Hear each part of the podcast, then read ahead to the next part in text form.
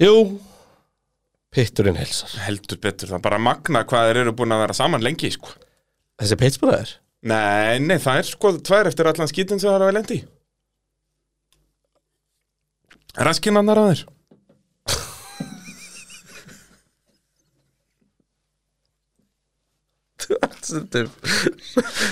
Hvað hva er látið þetta að þessi hug? Það er, ég- sko, ég glemta sem henni síðasta þessi En það er alveg endur nokkra vikur sem ég hef setið á honum þessum sko. Uh, það er líka búið að vera eitthvað svona skýta glotta sér í mætti Uh, Ég veit að ég er að snuðu fatta hvað brandara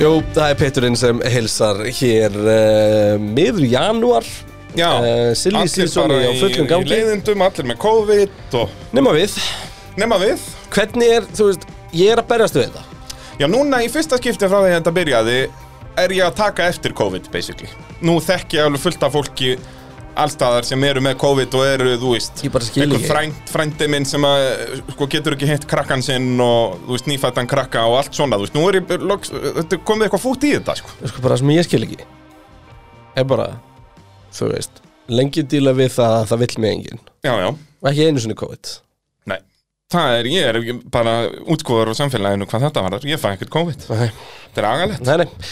En, uh, já, við eigum alltaf uh, Já, vini að þau mætum í Nóa Sirius Studio podcastöðurnar og tökum Ó, já. upp einn ein löfléttan uh, pitt Heldur betur, það er, uh, það er bara nákvæmlega svo leiðis og við alltaf að fá fleiri og fleiri vinnur út af við erum svo dásamlegir En Segðu. þetta er að sannsögðu verkvarasalan uh, via Play Olli svo náttúrulega boðleif Já, og við náttúrulega þurfum að hendi í mjög gott sjátt á þetta bóðlið Eh, Heldur betur, Það er bara boðlið.is Já. og uh, boðlið er sem sagt bara tæknifyrirtæki, sjáum uh, öll svona já, símkerfi, netkerfi, allt þannlega hjá fyrirtækjum Já. og uh, þetta er ekki flókið. Þau vilja bara kynnast uh, ég bara fólki sem er í þú veist að ekstra eða sérum um þetta og sérstaklega með áhuga á Formule 1 já sko ef þú ringir upp í boðleif og segir, heyrðu, ég, mér vantar ný system hérna í, í fyrirtæki sem ég voru að stopna og, þú uh, veist, það væri fínt að það væri bara, já, kannski svipað hraða Magatú Beckett sagði. Já, Þá ertu þá bara, ertu bara, boom, Já. bara, you're in Það er eins og þeir normalið, segja, sko. en uh, þau sem sagt alltaf aðstóða sérstaklega hlustendur pitsins þannig að uh, ef Já. að þú ert í þessum pælingum hafðu samband við bólið Eh, ekki nokkur spurning, það er bara svo leins og hérna, eh, allt í toppmálum hvað, eh, hvað það varðar Eh, svo náttúrulega minnum að peturum.is hann var semst þáttur þar í, í síðustu viku það er alltaf þáttur í hverju viku, sko, þó að þeir sem að eru bara að hlusta á okkur á Spotify takk ekki eftir því, það missu stundum út viku en þá bara skottist inn á peturum.is og græðið það Kom reyndar út þáttur í síðustu ykkur brei Það er rétt, já, við skelltum inn mótavarpstætti, Já. grjótarðir og uh, mjög áhugavert að það er ógeðslega mikið hlustur á Já, það er svo leis, það er nefnilega, út að það hefur aukist hlustun á honum hjá mér, sko, í mótavarpinu sí- á síðustu vikum og Ég ætla mánuðum bara að gíska að þetta en uh, hlustuna hæsti þáttur mótuvarpsins frá upphæði hann fer að detti það það er, það er ótt að segja það það er enda náttúrulega goddamn Christian Verði Reiner ég þá allt í norðin uh, legund á já, það mætti að halda næstunni? það, já. það er að þú verður að goddamn legend Nei, nei, nei, það var enginn að segja það yeah. en uh, í þeim þætti þá fór ég yfir sögu formúl 1 liða eða við og uh, Já, Patreon.is já, já, í síðasta Herri, þætti ég er búin að fá mikið að kommentum bara djúvillig þetta næs nice. Já, að skelli gott söguhótt svona í janúar að það, er, það verður ekkert betra og við ætlum að gera svona svipaða pælingar núna, ekki beint söguhótt en eitthvað sem okkur þykir skemmtilegt að gera og það er eh, rankings Já, Við ætlum að ranka Við ætlum að powerranka. sem sagt- Já, sko, við ætlum að powerranka ökumannspörinn Ætlum við ekki að páraka ávexti Ætlum ekki að gera Eh, Hvað væri svona Hvað væri lélegasti ávexturinn? uh, Sko, ég er ekki mikill bananamaður en ég myndi aldrei setja hann neðst út af banan Nei, banan er svo Hann er solid, sko, hann er rock solid sko, þó ég Banan sé er ekki svona, bananamaður. þú veist, erum við að ranka á frá skalanum 0.10 eða? Já, Já, þá myndi ég setja banan alltaf solid fjöða Alltaf Já, hann er solid sjö, Solid sjö. nákvæmlega þannig Þú fær aldrei ógeðslega góðan banna Þú fær aldrei vondan banna En þú Já, fær bara goddamn power banan, Ég segi það, þetta er bara byttu fyrir þér, sko, nevesti ávöxtur þú veist, það er eitthvað svona sem að þú veist, eitthvað svona dragon fruit eða eitthvað svona kjartaði sem að er ekki til á Íslandi, Galið sko í sumt stöf, sko Já, ég þekki þetta ekki, sko Nei, betur dragon fruit Nei, nei, ég er að hugsa um ástaraldin Hérna passion fruit Já, passion fruit Sko, ég myndi alltaf setja mango efst Já, mango og Gucci mango og svo myndi ég vera að vinna með Hvað er eh, vondir jarðaber, ávextir? kissuber, bláber ég er mikil berjamaður sko Já, þetta er, uh, þetta er að mínum að þú glötuð umræða Nei, kífi Myndur þú senda það neðist? Nei, nei, nei, Já, nei það er nei, efist, sko. Nei, Það er ofanlega það er óalega Já, sko. Látt sem ég það er fengi gott dásamlegt. kífi sann, sko. Já, Ég er náttúrulega borðið ekki ávexti, ávexti eru fyrir aumingja sko, ég elska á þessum ástíma Ok, hérna, besta, besta, besta, besta held ég þú veist, Fullkomin appelsína Gæti komist í topptýrið Þar eru svo góðar, sko Já, og það, það var, ég man alltaf sko þegar ég bjóð á Spáni voru að keppa þar á þessum ástíma þá var svona alveg við næturfrost og fórstu út sótti rappisinu á treið Ó. hún var ísköld beint í bara djúsirinn bara Já. tss, og þú varst bara með ískaldan feskan appisinu svo það orange juice þú veist, þú gast ekki, þú þú ættir að vaknaði fyrir nýju ætlar að gera þetta, því annars var hann orðin heit sko. Já, já, og þetta var geðvikt þetta var uh, toppurinn, eins og maður segir já, Það, er, uh, það eru frábæra fréttir, Kristján, að vita þessu og, og hvað hérna, meira getur við párangað? sko, við ætlum pasta að spagetti, skrúur Já, þú meinar að vera í, í ég held að vera að tala um sko tegundir af pasta áður en þú sendur það í eitthvað form, sko Ég hendi í spínatpasta um daginn, já, hvernig var það?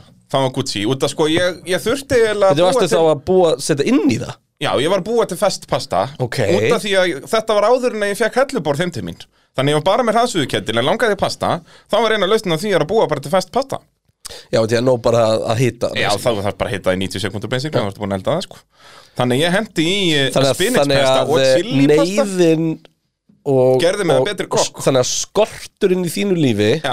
gerði það verkum að þú varst að fara gúrmeileðina í lífi Heldur betur sko Já. En Ég var vissi að samt þú væri ekki- ég er meira ekki með- fancy heldur en þú gefið út fyrir Já, það 100p Þú veist, 100p það er ógæðislega fyndið að vera að dunda sér með fest pasta Já. og raðsuðu kettil Já, þetta var samlega sko Ógeðslega En ég, fyndið. það þyrfti, ef ég ætla að gera þetta aftur myndi ég að kaupa mér svona pasta roller uh, dæmi sko Mig langar í Að- Að það. vera með, bara kökukeplið er djöfisins vesen sko Það varð allt nöys á þygt og ógíslegt sko Já, varst að gera þetta bara frá grunni, alveg Já, hvernig, hvernig gerur þú Þú getur fersk keift pasta? svona semifest pasta sko, það sem er bara, þú veist, það bara rennur Sest út á mjúkt. þremur dögum eða eitthvað Já, en Já. þá ert þú ekki að gera fest pasta Nei, nei, ég nota þá fest pasta Já, ég, Mm. ég sagðist það var gert fest pasta Akkur bauðstu mér ekki mat?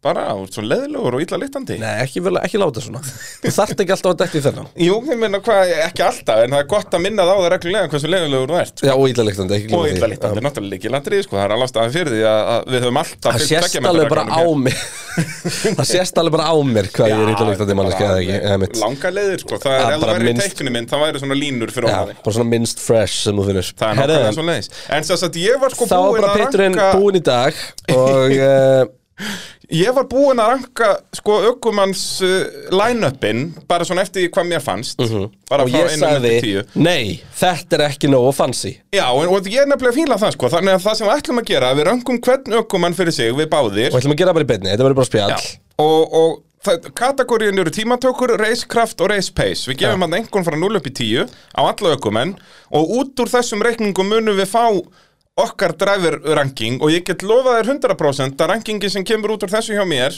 verður ekki það sama á, Nei, og nei. rankingum Þú varst líka ekki búin að hugsa þetta nógu vel held ég sko Þú Nei, varst meira bara svona, nei. herjá, hann er flottur Já, Tíu. 100% Já, Þetta var einmitt. svona mesta vesinni ef ég fer yfir þann lista bara til að byrja með Mesta vesinni var sko milli 7. og 7. sætis Hvort ég ætti að hafa Alfa Tauri að Aston Martin á undan hvoraður Ég endaði að hafa Aston á undan Já, Hafa Fettel þetta er bæði svona Sest, já, ég Stroll hugsa- er betri enn svo nota En Gastli er alveg á paru við Fettel já, er ekki betri en, sko. en það er mitt það, Njá, þú veist, við getum eiginlega ekki sett hann yfir hann ennþá Hann hefur kannski ekki alveg sannað sig alveg á Nei, þú hestaleiðinni. veist, uh, Fettil er búin að vinna nokkra hinsmesta titla sko Já, Já, en ég minn hann hefur líka átt tvö hrikaleg sísón skilur já, en Gastli átti það líka að vera þetta Já Þannig að á- Hrikalegt hálf sísón Algjörlega, algjörlega Uh, svo náttúrulega bara fyrsta seti sko. hvort setum maður, maður verður eiginlega að hafa Mercedes á undan Ferrari sko, en mér langar rosalega mikið að hafa Ferrari í fyrsta seti Kemur í ljós Þetta nefnilega kemur í ljós, hvernig við munum ég held að í þessu sem við munum gera núna með einhvernir þá held Já, ég að því að Mercedes sko, verður á undan sko. í raun og veru það sem við ætlum að gera Við ætlum að brjóta þetta niður í tímatökur og s- sem að gilda þá 33% og Já, það svo gildir ætlum alltaf við- sama, bara. Já, já en keppnin í raun og veru gildi 66% og tímatökur 33% Við ákvæmum að fara ekkert út í eitthvað svona hversu skemmtilegur eða Nei, nei, þetta er media bara friendly pjúra performance. performance akkurat Og uh, ættum við reyndar Nei, það er þannig sé enginn sem að fer eitthvað illa með bílinn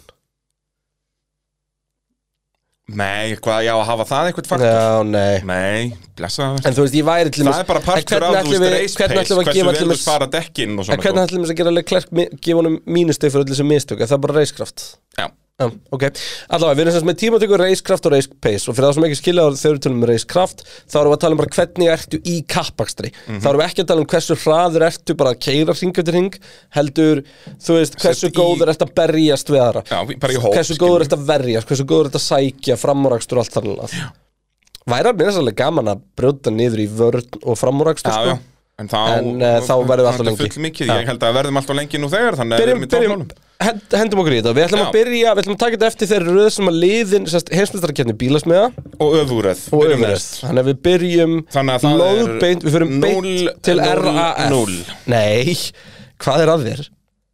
Nikita Masabin fari ekkert 0 í öllu Hann Jó, fær hann- 2 í reiskraft En Hefur þið sé manni verjast?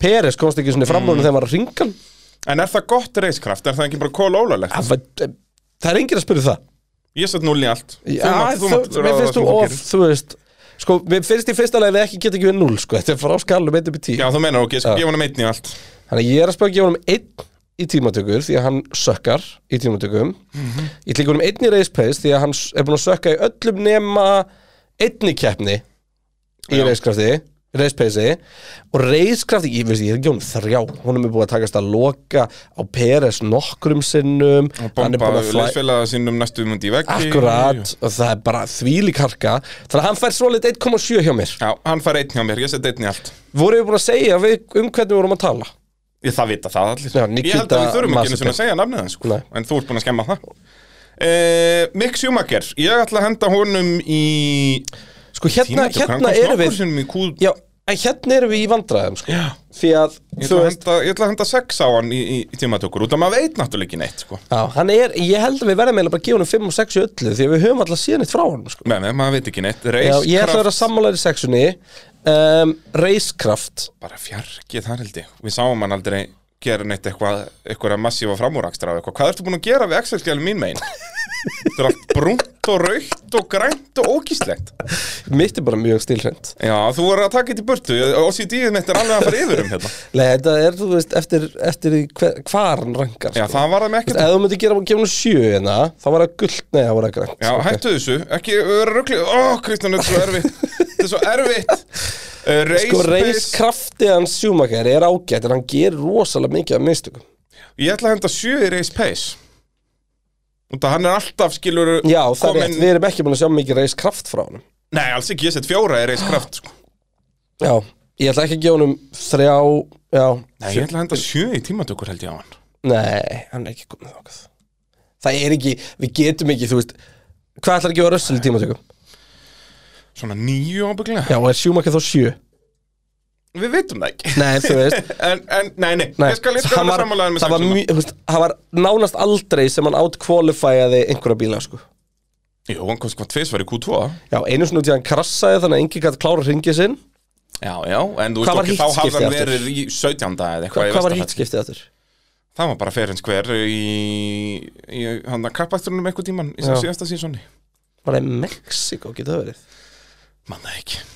Þetta fer allt í eitt gröð sérstaklega með eitthvað svona dót sko. Já uh, Og Race Pace Ég get ekki gefið honum meira en fimmu sko Já, ég kemur um sjö í reispeis sko. Já. En Þannig að þú, áhugavert samt sko að munurinn á okkur er ekki nema 0,5 sko Þannig að hann er að fá einhverja meðalengun frá okkur já, áhugavert sko, þú gefur Haas samtals hærri einhvern en ég.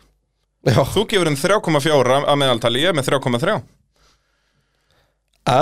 Þannig að e, Haas er þarna ekki í svo toppmálum í, í, Já, ég ger ráð fyrir að þetta verið næsta sendi en Við sjáum, við sjáum hvað setur uh, Ég var að reyna að skella okkur í Alfa Romeo Við vitum náttúrulega ekki neitt um það sko.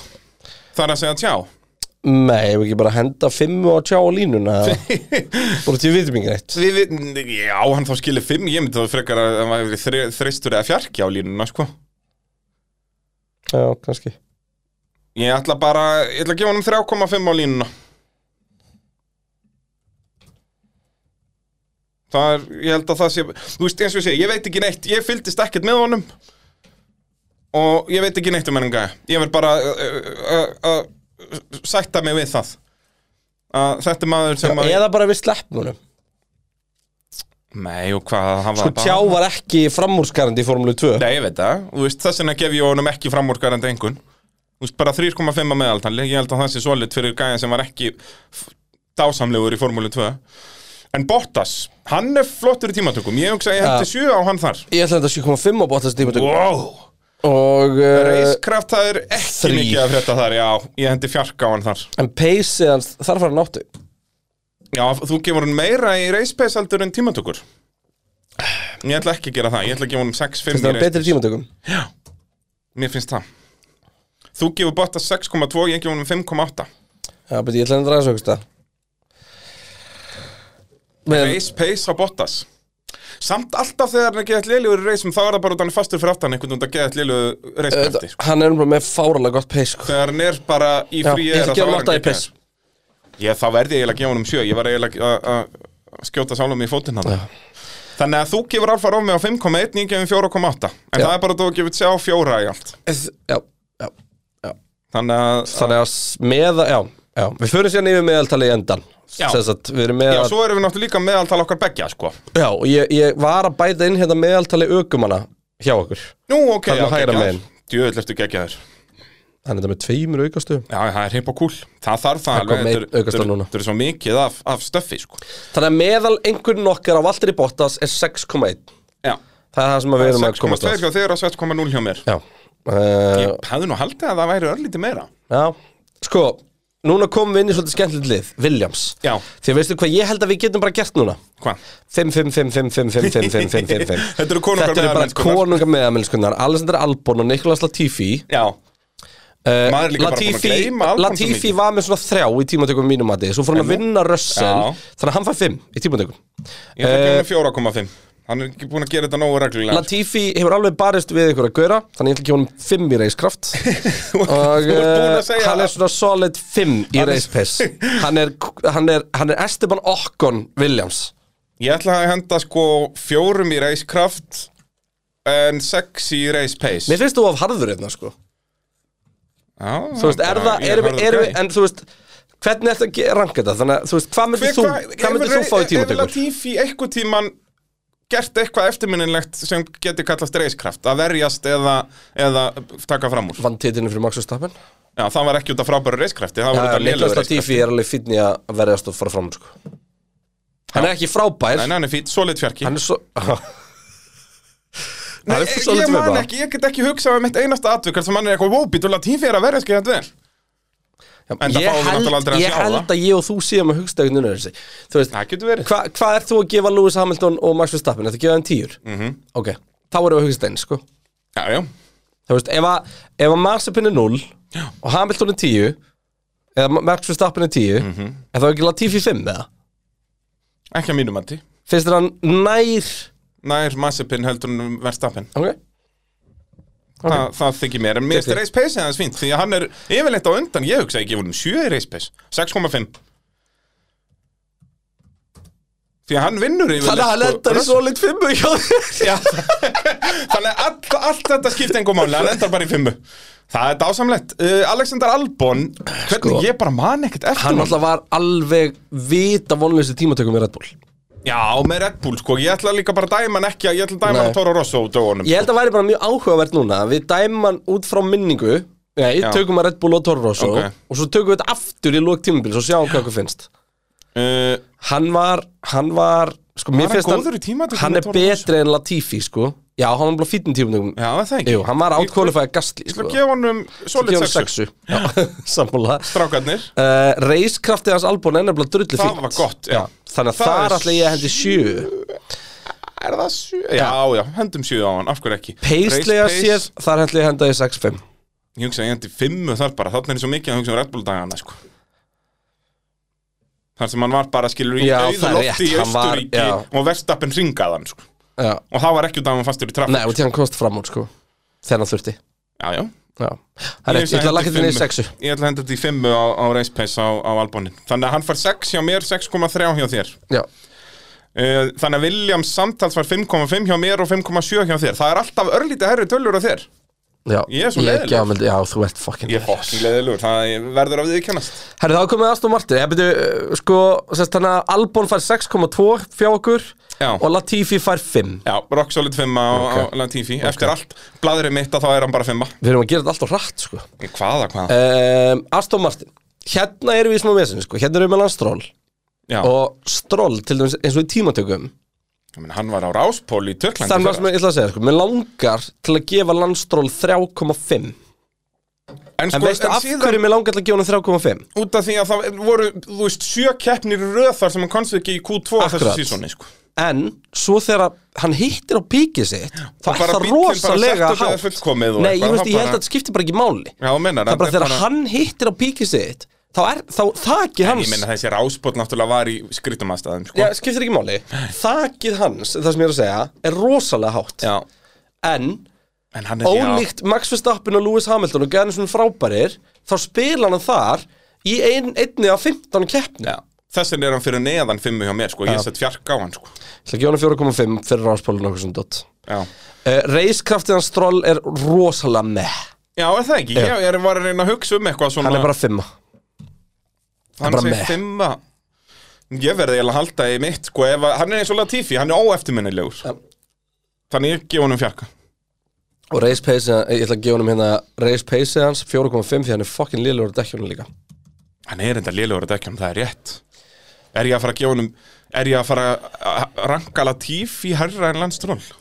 Sko, já, ég var Er það rétt? Já.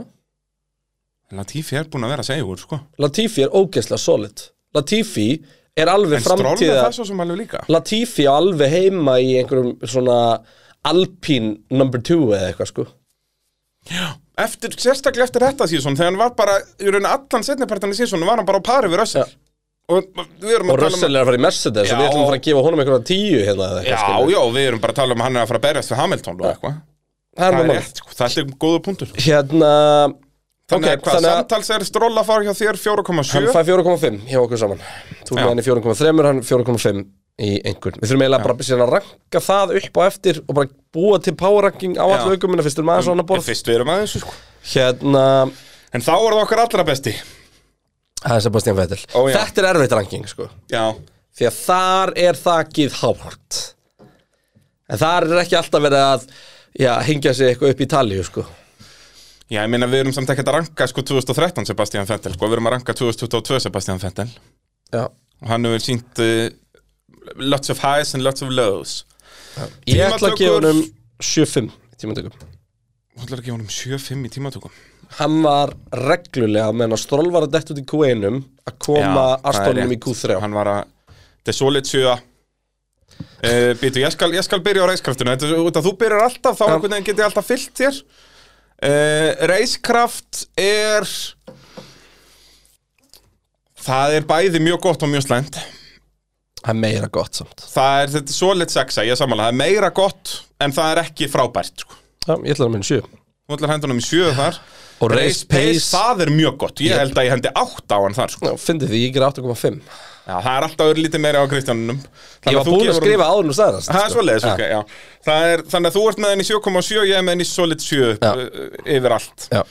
að, hérna, En samt svona, já, við erum sammála um, um, um þessa hann hluti fær 7-3 hjá okkur Já, að meðaltali Þannig að Aston Martin eru með 5,7 að meðaltali á mér Meðan að Viljansson með 5,5 Nei, Og við, við 6,2 förum, hjá þér förum yfir, já, já, já, já, já, svo power ekkert eftir, já, Já, já, ok, förum við það alltaf eftir Við skulum ekki spoila þið núna einmitt uh, Yuki Tsunoda, við erum að fara í Alfa Tauri Alfa Tárin Ok, Júkisson Óta er svona bara, hann er búin með eitt sísón Þetta er svona tiltölulega þægilegt með... sko, hann er ógeðslega erfur því að við vitum, hann er viðustykilega hraður á sínum degi, sko Já, já, en ég menn þetta snýst ekki bara um hans dag Þetta snýst um heilt sísón þar ætla ég, þannig ég ætla að gefa honum fjarki Ætla ég að hendi í tímatökur Því að hann var alveg hraður en samt hann var sann svo ekki hraður undir consistently lok hraður. en hann var það sann konsistant í undir lok árs sko. Já, þá komst hann nokkur sinnum í, í Q3 á En minna Pír Gasli var þá alltaf í Q3 það er rétt Þannig að hendur og þú 4,5 veist, ég henda hann var 4,5 á krassandi hann En ég held að eftir 2022 tímabilið geta hann orðið algjörð skrimsli sko Ég held að hann geti þá leikandi farið í 7 áttur í tímatökum sko.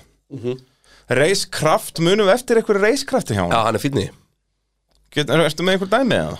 Eh, uh, bara einn nei hérna hérna hérna, hérna Abu Dhabi Já, og Tyrkland, hann var Mhm. alltaf að stoppa Já, það er rétt, það er sexa, hann er yfir meðaltalið þar Já, Ah, ég ætla að vera sammálaðið þar Nó, það getur verið fyrsta skipti Og Reis Pace hans Er það ekki bara fimma, er það ekki bara Jú, akkurat Það er meðaltalið? bara ekkert sem ég man eftir sko. Nei, ég segi það, en hann er ekki góður eða slæmur Þannig að ég held að það sé bara rock solid fimma þar Þannig að hann fær fimmu hjá mér, 5,2 hjá þér Já. Gastli, tímatökur, wow. nýja Þú ferð alveg í níuna Hver eru Já, betri en Gastli það Hver er eru reyndar- betri en Gastli í tímatökum? Gila, góða punktur, sko Hver eru betri en Gastli í tímatökum? Þeir eru fáir, sko Akkurat. hann, er alltaf, hann var alltaf bara í fjórða, fymta sæti, sko Hann Þess vann vegna alltaf segja- Peris, hann var yfirleitt fjórði í tímatökum, sko Hver, hver er betri í tímatökum? Kanski Max Verstappen Og Lúi Samhaldun og Lúi Samildon Gastli er einn af þeim sem tekur allt út í bílnum Ég myndi segja að Gastli væri betri heldur en Ferrari parið þegar í tímantökum ekki út af því að Charles de Klerk er ekki getur ekki farið aðeins hraðar heldur út af því að Pierre Gastli var consistently alltaf hraður Og það er einmitt máli, hann var konsistentli hraður í tímatökum Já Ég ætla að gefa honum Þú uh, veit, ætla þú alltaf að byrja, Eh, dómari þú mátt, þú mátt, Ég, þú mátt. ég verð að fá að byrja eitthvað tíman, sko Þetta gengur ekki, ég sé alltaf alltaf þig uh, Í reiskraft Er eitthvað eftirminnilegt eh, Herra, ég verð að hækka hann er fættan upp í reyndar með- áttu í tímantökum Það er svo leiðis, Já svo þið líður betur í sálinni Ef ég er að gefa Gastli nýju, var ég að gefa fell áttu Uh, Reis Kraft hjá Gastli, hann er reyndar á hann mikið að geggjum framúráksturum sko, maður maður kannski ekki mikið eftir einhverjum geggjum vörslum en ég hugsaði 6-5 í Reis Kraft Mm.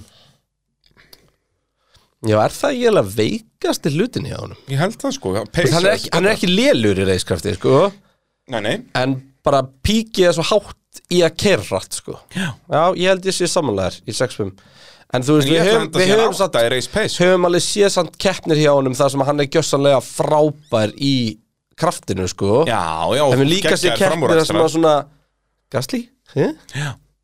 En svo erum við mjög ofta sem, þú veist, ég set átta í Reis Pace Hann er sem er, samt- já, hann er þetta er svo samt- mjög oft liðið að hendunum inn í á tveggjastoppa áallun og eitthvað og þess vegna endar hann neðarlega og eitthvað, hann er alltaf með geggja pace Ef við hugsaum líka tilbaka þá var sko reiskraftið hans ógeðslega lélegt í Í Red hérna Red Bullunum. Bull Já, fucking hell Ég ætla, ég ætla að lækka hann, ég ætla að gefa hann sexu sko. Já, ég er í 6-5 munni sko Um, Hvað ætlað þú að hendi í reispeis á Gastli? sko, þrjá í Red Bull Já, og já, já, bara jafnvel minna ég held ég get ekki gefa hann meira en sjö þar sko Það er svo leiðis, Já, ég hendi áttuna sko þetta Þannig er hann fyrsti orðin, orðin... sem að færa larri einhvern mér en þér já Það er rétt Og uh, sem sagt núna er Nei, Mick Schumacher fyrir larri fyrir ekki Já En, en hann sem sagt er í 7,8 hjá mér 7,3 hjá, hjá þér Mhm.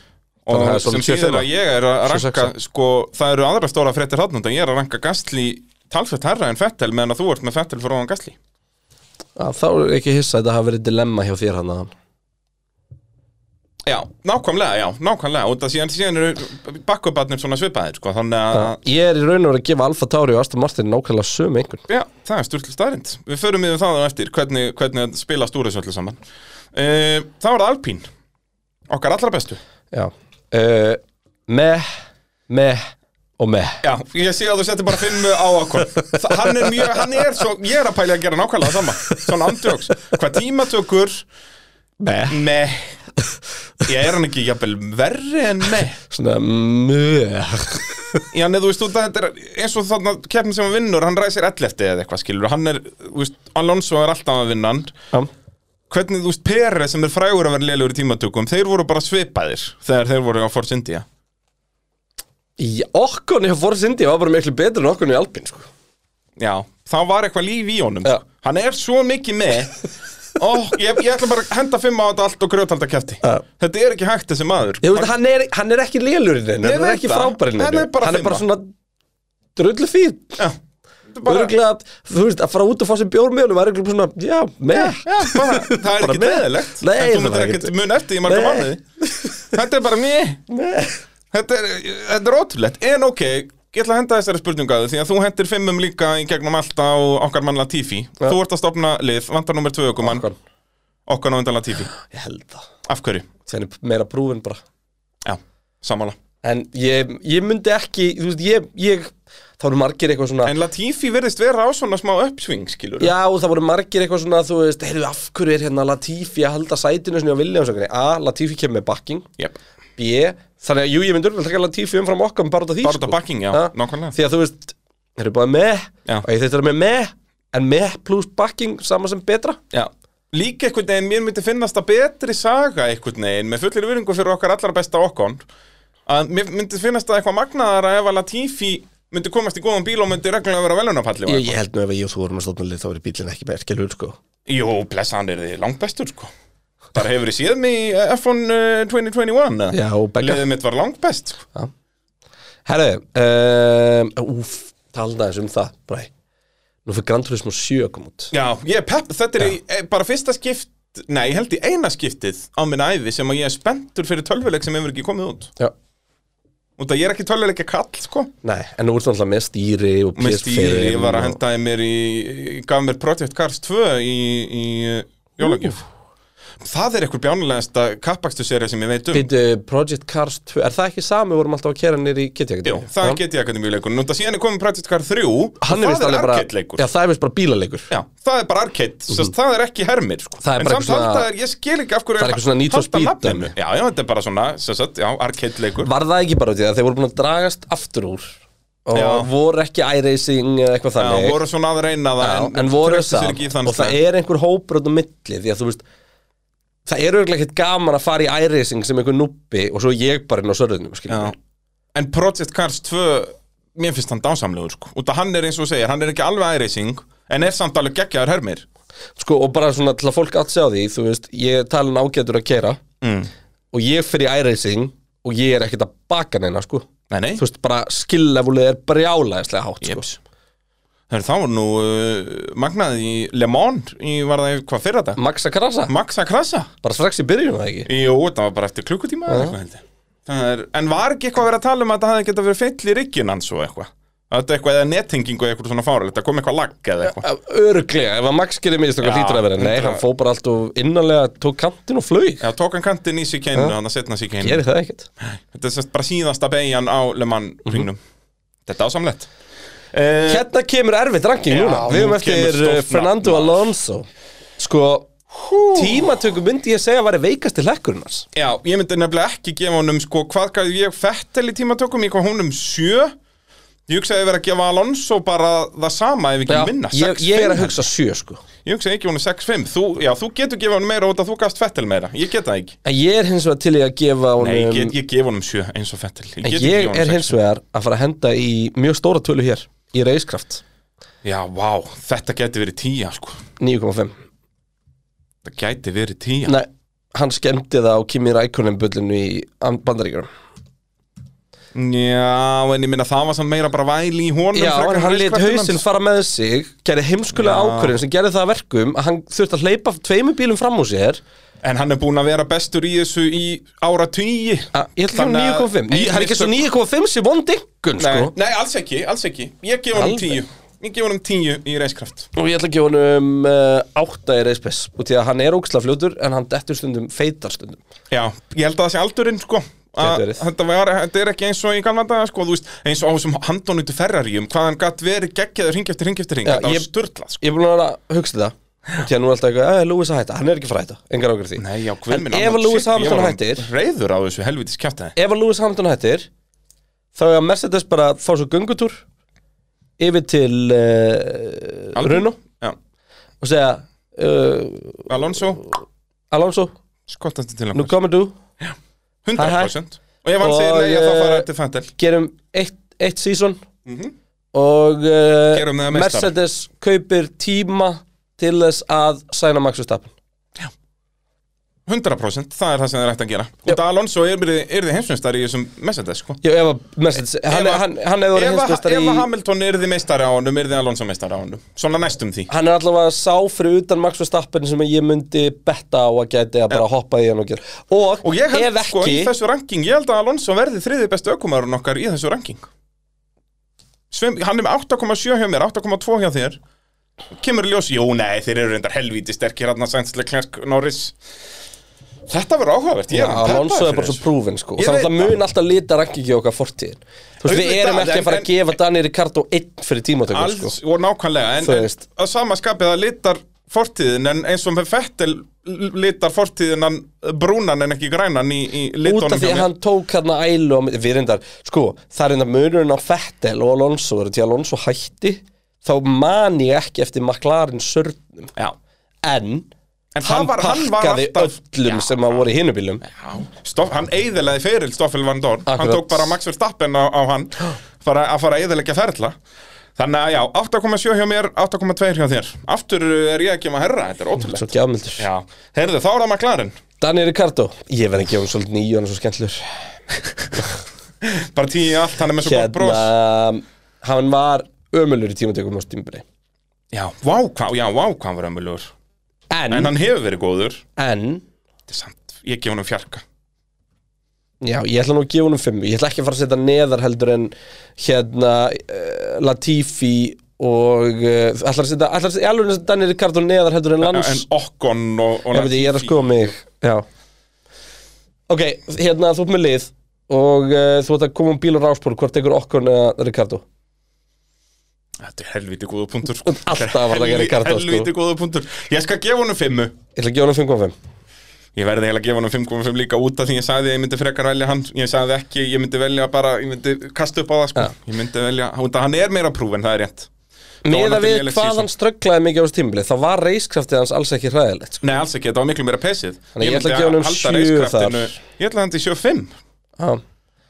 En En race reispeysi paces. var agalegt sko. Nei, samt ekki Það er 5 Settin luta tímabilsins þá var hann með nákvæmlega sama reispeysi og Landon Norris Já, Hann var bara alltaf alltaf glílugur tímantum Hann var bara alltaf fyrir aftan Þannig að við getum ekki gefið honum lærra eða sama fyrir reispeysi Ég, ætla- ég ætla Og- að gefa og honum Latifi. 7 þar líka Ég gefa hann um 5.5 þar sko Já, ég ætla að um gefa hann 7 fyrir reisbessið Hann var 6,5 og bara svona fyrir ykkur sem er að hlusta Fyrir mér er Ricardo aukumæður sem á að vera með svona 8,5 í einhvern Já, algjörlega, hann á að vera hann bara parið við gamlan Alonso Ef hann skýtur aftur næst tímbilið þá fer hann bara niður í með hjá mér Já, algjörlega En uh, Ég já. skulum gefa hann um eitt, eitt sísón Út af hann var alveg á uppsvingi sko sko, núna komum við í einn mjög erfiðan sem er Landon Norris Því Jú. ef við höfum tekið þetta hérna bara eftir 14 keppnir þá hefði bara verið 9, 9, Já, já, 9 algjörlega En síðan svona, Síðan bara slumpa það er svolítið svolítið sko En samt ekki þannig að það væri bara eitthvað djúðlega land og lélur undir restina Því hann Nei, nei. átti alveg Þetta var hápunta náttúrulega þar meira inn í bílinn og hann var Já en samt, hann var,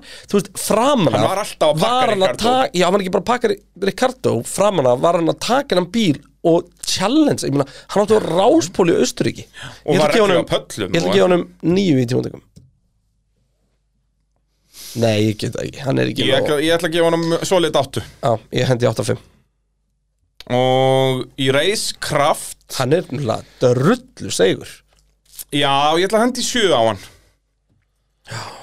Og í reis pace gef ég honum meira Ég ætla að gefa honum nýju í reis pace 7-5 á reiskraftið Nei, ekki nýju reispace Ég ætla að hendi í nýju Nei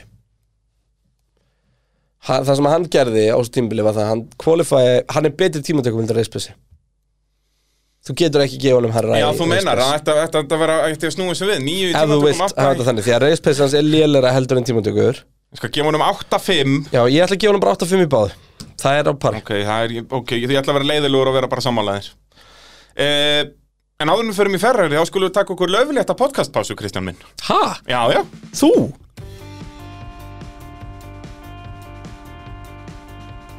Sko í, fyrir hlustandarn jú, þá var þetta mjög stutt já En á þessum tíma tókst þér að afreka mikið Og Já, ég kom með þetta, var, kaffibólla þetta var erfi fæðing, sko Þetta er, þetta er djöðsvesen, sko Þetta bóna Fergusonin eða?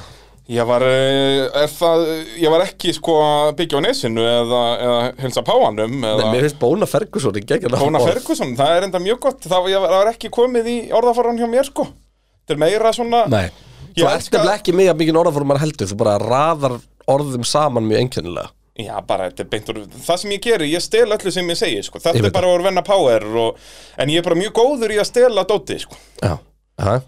það er, eh, en það verður eitthvað að vera í því, Jú, jú en nei, nei, þetta tókst á endanum, sko, Já vandamáli á mér er náttúrulega, sko, anusinn á mér er svo svakalega ofalega, Ha, hann er á miðju bjó, mjóbaki bara og, og þá verður ég alltaf að snúa mér, sko, öðruvísi heldur en vennilega manneskja, sko, ég sný mér hinsegin á klósettinu, en þá er ég með svona Herri, litla við, ég hillu. bara ætla að ræða um þetta hérna Það er svo gott eins og Pit að driver geima, ranking geima síman á, á hillunni sko Ég, ég bara vorkinu fólki sem er ekki svona sko, það ég get verið að geima alls konar dót á, ofan á sko vaskassanum á klósindinu Já, herri, það er frábært Hérna, ég var að fara yfir í ferri, já ah, Hvað þú vilt tala um ávexti en ekki um uh, hæðir mínar Hvers slags er enlega þetta? Já, Uh, jú, jú, við getum alveg gert það að þú endilega vilt sko Leclerc Okkar allra besti Hann er rosalegur Hann fær 8,5 í tímatökum í maður Hann setur á rankan- ráspól reglulega Ég er hann hærra en Norris í tímatökum, ég set nýja á hann Já, Það það, er það sem ég er geri. alveg, það er líka alveg, þú veist, call fyrir það Já, ég meina hann hefur uh, margóft verið að ráspól Margóft Sko, Leclerc á sínum besta degi getur fikið 10 í öllu þreymur Ah, Já, algjörlega Og við Mér þurfum að taka finnst það ég með bara í ekki reikninginn. of oft sjá þessa bestu daga Algjörlega, hann er á mistakur en eins og í tímatökum er hann ekkert endilega mistakur sko. Er það ekki? Nei, þú veist, jú, hann, er, hann hefur gert mistök en það er ekki, ég myndi ekki segja að hann væri almennt séð mistakur í tímatökum Til þess að fá 10 í tímatökum þarf þá ekki að vera 22-0 Ég Algjörlega, enda gef ég honum bara nýju ætla ekki um 85 uh, Reis Kraft Sko, Er ekki peysið hans betri en kraftið hans? jú, hann gerir mistök Hann er þannig blá og þá ég held að við þurfum að se- titla þau mistök í Reis Kraft frekar en Reis Peys Eða bara svona sitt lítið í bæði sko. Já. Reis Kraft, er hann að fá 6-5 þar? eða? Nei, 7-5 Hann er frábær í, í framúrökstur Ég ætla að henda sjöðu bara á hann Ég ætla að gera jafn gott á Norris í, í reiskraft Ég er með hann jafnan og Norris líka Við erum, við erum uh, fylgjast með með það Race pace getur verið mjög stærst hjá hann Ég hugsa að ég hendi í áttu Ekki Eða áttu. sjö, fimm? Já, ég er að hugsa áttu sko Ég hugsa að ég hendi í 7-5 Já, Þetta er búið að snúast við, nú er ég byrjar að gefa minna og þú meira já En ég bara gat ekki, sko, ef ég hefði gefið honum Þú átta vilt sérst meina að gaurar eins og landstról séu nær Charles Leclerc heldur en ég uh, Nei, ég segi svona Já, nei, sérst, ég bara vildi ekki gefa alveg klærk Jafn mikið og Norris, basically Norris er samtal sem er með 8,0 Hann er með 7,8, hann eh, leik klærk Já, hjá mér er þetta beislega saman, já Leclerc er með 8,0 og Lo- Norris með 8,2 sko Já Mér finnst Norris örlítið betri enn Leclerc og bara út af þessum mistökum sko. Þá komum við að sænsarunum Já, tímatökur, er það ekki bara fimma? Nei, Er það nei. sexa? Nei, nei, nei, nei Er það meira? Það er 7-5 Skulum Hann er halda hestunum aðeins léliri heldur en uh, Leclerc okkar. Það vissulega, þeir eru mjög oft lifið hlið Mjög oft lifið Jafnvel hlið 8 sko Og Já, ég hann byrjaði ætla að gera þetta- vissulega mistöku þessu tímabilaður en það var bara að hann var að venja spílnum Það sko. gefa honum 8 í tímatökum Já Átt, Jú, það er helviti gott sjátt sko. Átta Jú, ég held að ég verði að gefa honum áttu Sko hann er honum. ekki jafn góður og Leclerc eh, í reiskraftinu í pík en Mm. hann gerir ekki svona mikið að mistök Ég gefa honum 7-5 í tímatökum Ég get ekki gefa honum áttu Ég ætla að gefa hann að sama og Leclerc í reiskraft Er það svoleiðis? 7-5, já Ég Hann er ætla- með ég ætla að miklu gefa honum- betra reiskraft heldur en þú heldur sko Ég ætla að gefa honum sjö, já, ég ætla var að tala um að ég ætla að gefa honum meira en Leclerc sko. Ég er jafnvel að pæla í áttunni sko. Nei, Ég gefa honum sjö fimm eins og þú, en það er meira en í gamle Leclerc út að ég gaf Leclerc bara sjö og svo held ég að ég Race gef honum pace, það er næstum því tíja sko. Nei, Í race pace Carlos Sainz Já, Hann á það alveg til að sláta dekkjunum Taka auka pitstop og eitthvað svona vesen já er það samt hann að slátur þetta ekki honum? Nei, ok, Ég- tíja er full ég, Ég ætla að gefa hann 8-5 ég, Mér langar að gefa honum níu sko. Ég ætla að gefa hann 8-5 Ætti ég að vera leiðilegur og gera það saman þú?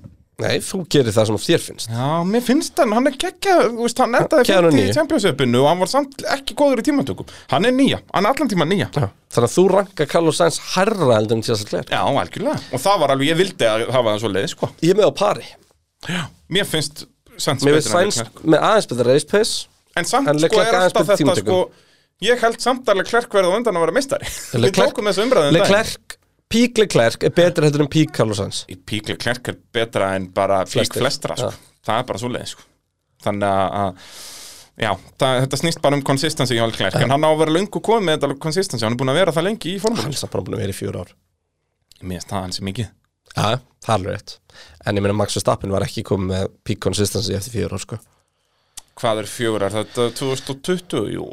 Nei, hann var ekki komið með pík consistency Nei, ok, kannski ekki, en hann var ekki jafnslæmur í 2020 og Leclerc var 2021 Hann var bara ekki, jafn- hann var bara svo auðvelt að fela það Já, já, vissulega, hann endaði Þetta er bara alveg sjötta eins og þú sæti. veist Leclerc í En- sáber Við munum bara eftir Ég er nefnir einhverjum að Ferrari störgluðum núna er, hápunktum er verri heldur en Red Bull en var 2020 Já, en við, við, núna erum við líka ekki að bera Leclerc saman við Mercedes eða Red Bull Núna var Nei, en þú veist, þú Ferrari sagðir bara með að mjög Þetta var góðan svo auðvelt fyrir Vestappen að fela þetta Já, Þetta var út- auðvelt aðra ástæðan fyrir að var svo sko. auðveld Nei, ástæðan fyrir að var svo Nei, ég er um ekki saman því Ástæðan var svo auðveld fyrir Max Verstappen að fyrir þetta í Red Bullum var að Red Bullum var svo choppy Þú veist, Já, hann var geggjaður sem Óstöðugur. staðar og svo alveg glataður annar staðar og Að meina Vestappen var náttúrulega Ferrarien var bara alltaf með liðsfélaga sem hann svona pakkaði sko Já, þú veist Þetta er svona erfitt fyrir Ferrari Leclerc að vera með var sens. svona jafn góður einhvern veginn allstaðar þú veist, hann bara svona, það var bara svona eitt skref í hverju keppni upp á við þannig að þú vissir alltaf nákvæmlega hvað Ferrari stóð Akkurat, sko, það er mjög góð punktur þannig að ég myndi segja sko, þetta, er me- þetta er meira þú veist, Red Bull uh,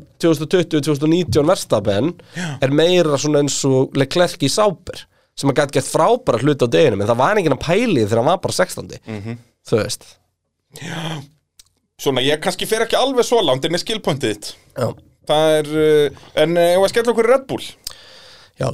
Tjekko verður að mínum að þetta erfiðasti maðurinn að dæma Út að hann er aftur eins og sko Fettel búin að vera mjög mikið upp og mjög mikið niður já, en ég ætla að gefa honum 6 í tíma tjópa, hann fær ekki Ég með hugsa, ég gef honum liggur Ég var að bara hugsa um fimmu. fimmu, sko. Ég segi það, hann er búin að, út að Jú, þetta er veistu, alltaf ég ætla að gefa honum 5 ég ætla að gefa honum 5 Ok, og þá séum við öðrum, já, Lillur alveg tífjöð eitthvað, bara já, Já. og þetta er allur ferillin, Ég er hann meina, þú veist, alltaf hversu búin að oft vera, var hann þú veist, ég bara er aldrei sjöundi lélegur, Nei, en jú, skilurðu. hversu oft var hann sjöundi á Red Bull í ár en ok, nýtt lið og eitthvað, en bara gegnum En alla það er ferillin, kannski hann hefur ekkert alltaf ekki verið skrítið góð. En það er kannski ekkert skrítið Þegar við erum að kíkja þennan niður Og Sainz er með 8 Leclerc er með 8.5 Lando Norris er með 8.5 Alonso er með 7 Gasly er með 9 Vettel er með 8 Það er Já. kannski bara ekkert skrítið Að Peres sé oft í 7. og 8. sæti tímatökum Á Red Bull Og, Já, þú veist, já. og við vorum ekki eftir ánæði með hann þegar hann náði bara fjórðasæti Já, þá var það svona, ég, já, þetta er Að fimma, meðan var Max Verstappen á þetta er ráspók allan tíman fimma bara, jafnvel, verra en neini, hann er fimma í tímatökum. Reiskraftið hins vegar fara mjög hátt Já. Hann er frábæra verjast Já, ég bara, Heldur þetta betur. Grínast, það er, Hann fær nýju ég er jafnvel að gæla við tíu. Nei Jafnvel, hann er, það er kannski Lúi Samhildon betri að passa dekkin, ef hann er ekki bara bestur hann Tjekko. Það er pace, en það ekki Er það, jú, það er peysið alveg rétt, jú, glens, glens, glens uh, í, Já, ok, en samt þessi varnarakstar allir Ég held að sé, 9-5 af, Já. af hverju er samt ekki bara 10? Ég set, al, ég set 10 á hann Já, Ég set þú 10 á mátt hann. það. Takk fyrir uh, Race pace-ið Það er ekkert svo frábært nefnilega Men Hann það er er frá... frá bara að dekja dæmið sem Já. já. kikkar vel en þar Hann fær sjö hjá Sjö, hann. Já, ég held að ég sé samanlega, það er 7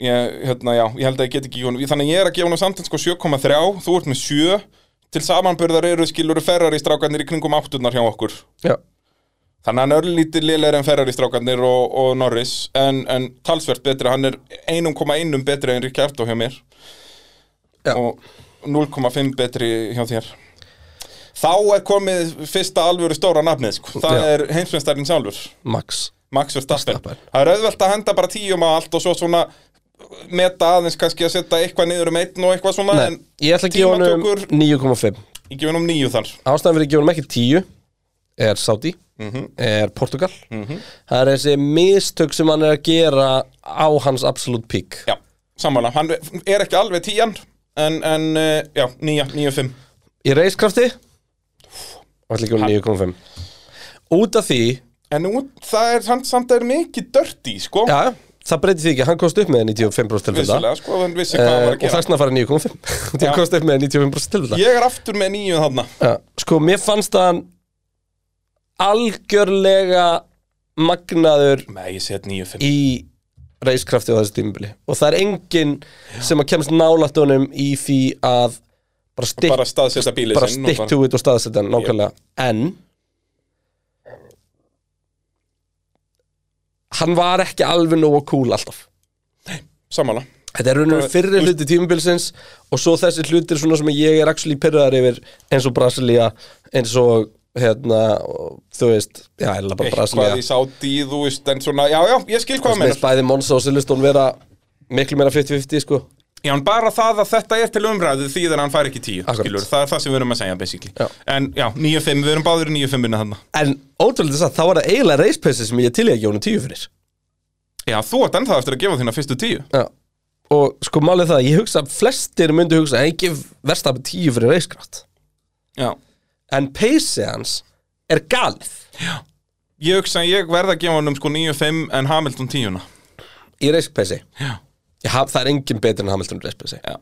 það er rétt Ég verði eiginlega að gefa 9.5 til að gefa, geta til að gefið- geta gefið Hamilton 10 sko. Já, Þú veist, ég held að það verða að vera svo leis Þannig að þú ert með 9,5 á Vestappin, ég er með 9,3 ég er að fara að bögga fólk núna Já, ég hugsa aldrei, ég verði sammálaðir í því miður sko. Þegar kemur Russell Við erum komin að Mercedes og það er George Russell sem við byrjum e, Tímatökur er náttúrulega hans sterkasta hlið En, Hann fara áttu vá, ég var að fara að gera það líka Jafnvel 8,5 Nei Hann er, hann var ekki nógu Ég gef konsistantli Land- geggja þér á Nei, stimbili Ég gef Landon Norris 8,5 í tímatökum Þannig ég gef Russell 8 Akkurat Ég held að það sé svo leis Jafnvel 7,5 út af því að eins og segir, hann var ekki nógu konsistent sko. Ég, held Racecraft, sjö, ég gef honum 7,5 Racecraft 6 Ég, reis, ég ætla að gefa honum 7 í reiskraft Hvernig hefur síðan, hvenær hefurðu síðan verjast eða berjast? uh, Sakir, Já, Ímola í fyrra þegar nefnda síðan að bomba eh, í, fyrir aftan öryggisbílinn það var ekkert að verjast Það var bara, Nei, það það var hann með lest. flotta framúrakstra sko. Var það? Já, hann var allavega neitt náttúrulega manni Jú, ég er kannski ofharður, ég ætla að gefa hann 6.5 Já, það er, hann, hann hefur oft flotta ég, Svo sem mann ekki eftir einhverjum miklum vörslum sko, En það er náttúrulega alltaf, það er sára sjaldan sem einhver er fyrir aftan hann en, en hann á flotta framúrakstra inn á milli sko. En svo kemur racepaceið Já, ég gef honum 6 þar sko. Hann feitar í Jafnvel- öllum keppnum Jafnvel minna Nei, hann er ekki liðlega heldur en þú veist Latifi Ég menn Já. Latifi vinnur hann yfirleitt Undir rest tímabilsins Já, ég ætla að gefa honum 5-5 Ég gef honum 6 Hann er bara ekki meira prúfin en það Ég veit það, og þetta er einmitt tala sem getur bara farið upp um heila þrjá eftir Já, tímabilið, skilur akkurat. En við bara vitum ekki meira, við erum að dæma hann bara frá Williamsdóunum út af höfum ekkert neina að dæma- dæma hana Þannig að hann er þarna, þannig að sko Tjekko fær 7,3 hjá mér, Russell fær 6,8 sem er satt magna út af því ég horfi á driverline-upin finnst mér, ef við segjum að Hamilton og Vestapin séu jafngóðir, finnst mér Mercedes miklu betra driverline-up heldur en Red Bull Já, þetta er það sem þetta einhverna kæft að er að eðilegja allt Kristján Já. út af þetta er, að, þú veist já, þetta er magnað sko áður en þú kíkir á hvar þú rankaði liðin og eftir, þá vill ég fá listan þinn Já. og svo ætlum við að bera hann saman við listan þinn Já. Ef við hérna, svo ætlum listan þinn og svo ætlum við að bera hann saman við einhverjum gjörum akkurat, akkurat Þá er komið að uh, sjöföldum heimsmestara mannu sem er í öðru sæti á síðist tímabili Lewis Hamilton jú, og þar byrjaði á tímatökum og á þessu tímabili það, fyrir stuttu hefði ég gefið honum Bara 9, 5, 5, 10 já, í já. tímatökum en það er ekki en mér finnst það vera nýja núna jafnvel 8-5 sko, ég var að hugsa um 8-5 en, en nei, ég ranka hann á pari við Verstappen, það er nýja ég, ég, ég gef þeim báðum nýju þegar kemur reiskrafti þá ætla ég að gefa honum nýju líka því að mér fannst 8-5 jafnvel sko nei, hann er ekki ég, ég gef sko Verstappen 9-5 þar, ég ætla að gefa Hamilton 9 jú, ég get ekki farið neðar en það já, ég ætla að gefa honum nýju líka En svo við sögðum þetta á hann, race pace, það er tíja tíja, það, er engin, það er engin betri en það er engin betri en Lewis Hamilton þegar kemur að Það reiskrafti er bara nákvæmlega svo leiðis Verstappen verður það öruglega En hann er bara ekki ég er ekki vissu það, ég held að Verstappen sé Já, hann er ekki meira nægilega Ayrton Senna, sko. já, akkurat, hann er meira aftur senna Það er- Hamilton er meiri prost Já, það er og nákvæmlega svoleiðis. Verstappen er meiri senna það, er þessi Hamilton er þessi Nicky Láta Alan Já. Prost típa sko en varandi reiskraftið sko Hamilton er geggjaður í varnarakstri og sóknarakstri og Brasilia 2021 var 11 í einhvern Já, sko Bara, já, En- 12-13 sko en svo er þessi hlutir einhvern veginn bara það að hann hafi leift Max að komast þóldið inn í hausuna sér það bara einhvern veginn það skemmir svolítið Já, algjörlega og svo lenda hann í því oftar en einu svona að taka of langan tíma í einhverju svona Yuki Sonota Og náttúrulega bara Sergio Perez En ég meina, bara var það að hann gaf eftir inn í Níundu degi Mhm. já, níundu beigju í Abu Dhabi, Þegar hann hafði nákvæmlega lengu að tappa akkurat Og, bara engu að tapa og kom, var pláss fyrir bílarni eða ekki Hann átti bara að komast að því Já. Þú veist ég bara var að gripa auðvitað hann ætti bara að komast að Hann ætti bara að komast að því sammála. Já, nei, með gripa á utanverðu, hann komst alveg að því skilur og að það var ekki neitt og, þú veist Jú, hann hefði geta farið út af ef honum langaði en, en, eða Mhm. þá að tróða sér hinnum bein Já, það er það sem ég er að tala um sko. að, Þú veist, ok, verðstappin er ekki alveg á kvítulínunni og síðan er alveg 1,5 metr á milli og það er búið Bara- að verja svona mótið er Peres já, já, og líka bara, eins og ég segi Var pláss fyrir bílarna, ég er ekki viss En Hamilton átti bara að komast að því Hann hafði enga að tappa Já, það er blá málið og þar höfum við það Það er svolítið svoleiðis Þannig að eigum við núna, að fa- nú ætla ég að fara yfir listan sem ég gerði hérna áður en að þú komst í stúdíóið já og sjá sest, og þá var ég náttúrulega engin engunugjöf heldur ég setti það bara í röð og við skulum byrja næst Ertu tilbúin með engunarlistan minn? uh, Já, ég er þetta að gera eitt annað en það Ertu að gera hip og cool? Svona, hvað Það er er þetta? mikið. Paste values Það sér alltaf þegar Kristján er að reikna í Excel, hann verður svo sexy á í framann. Það Aha, er ótrúlegt að fylgjast með þessu, sko. ok um, Ég ætla nefnilega hérna að taka þetta hér Og ég ætla að raða hérna Sem sagt, ég er að Það er reyna að þessu eftir einhvern, ú, en ég held það er vesen, sko. Nei, Jú, mér minnir að ég hef eitthvað tíma reynda, en þú ert náttúrulega mikill eh, Google Sheets maður. Eh, Þannig að BS-vínið rankaði liðin eftirfarandi. Í tíunda senti voru þeir Mick Schumacher og Massipin. uh, já, ég held að það sé eins Ég er að klára hérna eitt hlut Svo ertu að klára eitt hlut, ég bara, bara syng liftutónlist á meðan eða gera eitthvað sniðut. Það er Þetta svo leiðis Þetta er, þetta er mjög gott podcast hjá Sko, ég strákunum. þarf að taka nefnilega data þitt hérna út, sko. Ja, nei, nei, ok, við finnum eitthvað undir þessu. Yay! Ok, þú gafst Haas sem sagt 3,3 í einhvern. Og voru þeir í síðasta seti Já, Uh, já, ég held það. þeir voru það uh, ég, Í níunda seti hefði ég Williams Hann Eh. er það fyrir aftan Alfa Romeo, er það rétt? Nei, Það er ekki rétt nei. Þú ert með í níunda sæti, ert þú með uh, Alfa Romeo. Með Bottas og Tjá Já. Hvað, hvað gaf ég Bottas? Þú gafst Bottas 6 og Tjá 3,5. Gaf ég Bottas bara sexu? Já. Gaf ég Bottas verri engun en George Russell? Já, það meikar svo sem sens, en samt Já. Þú gafst Bottas sömu einhvern og Alexander Albon.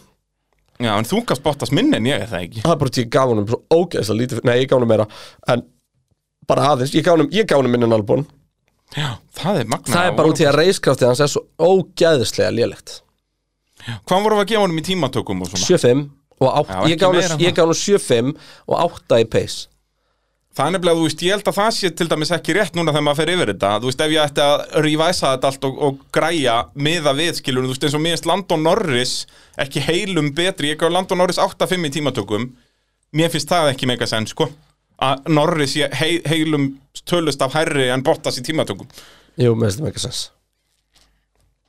Já, reynda Norris er þetta snýst bara allt um rosa- liðsfélag hans sko Já, það er rétt, sko En ég meina, En lið- þú Lewis veist- Hamilton. já, það er Lewis Hamilton og, og Vi- við við tölum ekki einu sinni um hvernig Peres gekk á mútið liðsfélaganum í tímatökum Nei. sko, það tók því ekki Ég meina þá var þetta mínustala Það er bara svo leis Þannig ok, áhuga Sergio Peres tímatökur 0 Já, hérna, nei, ég meina en Bottas var saurur á stimbli já, en við erum að tala um aukomennin bara sem sagt. Þa- Það er ástæða fyrir ég er búin að segja að Valtteri Bottas verður í skýtnum Og ég er Alfa Romeo. ósamála því og hefur margóft sagt það en samt gefur læri einhvern í ég Sturlustæðarinn það sýnir við vitum ekki neitt Við vitum ekki sko. hérna, En ok, ok, þannig að ég- Williams Alfa Romeo er á mismöndu stöðum Já. Í sjöðunda seti er ég með Alfa Tauri Ég byrju, þannig að þú ert með, já, Williams er áttunda hérna hjá þér Já, uh, já. á listanum kannski í sjönda sætt með Alfa Tauri mm.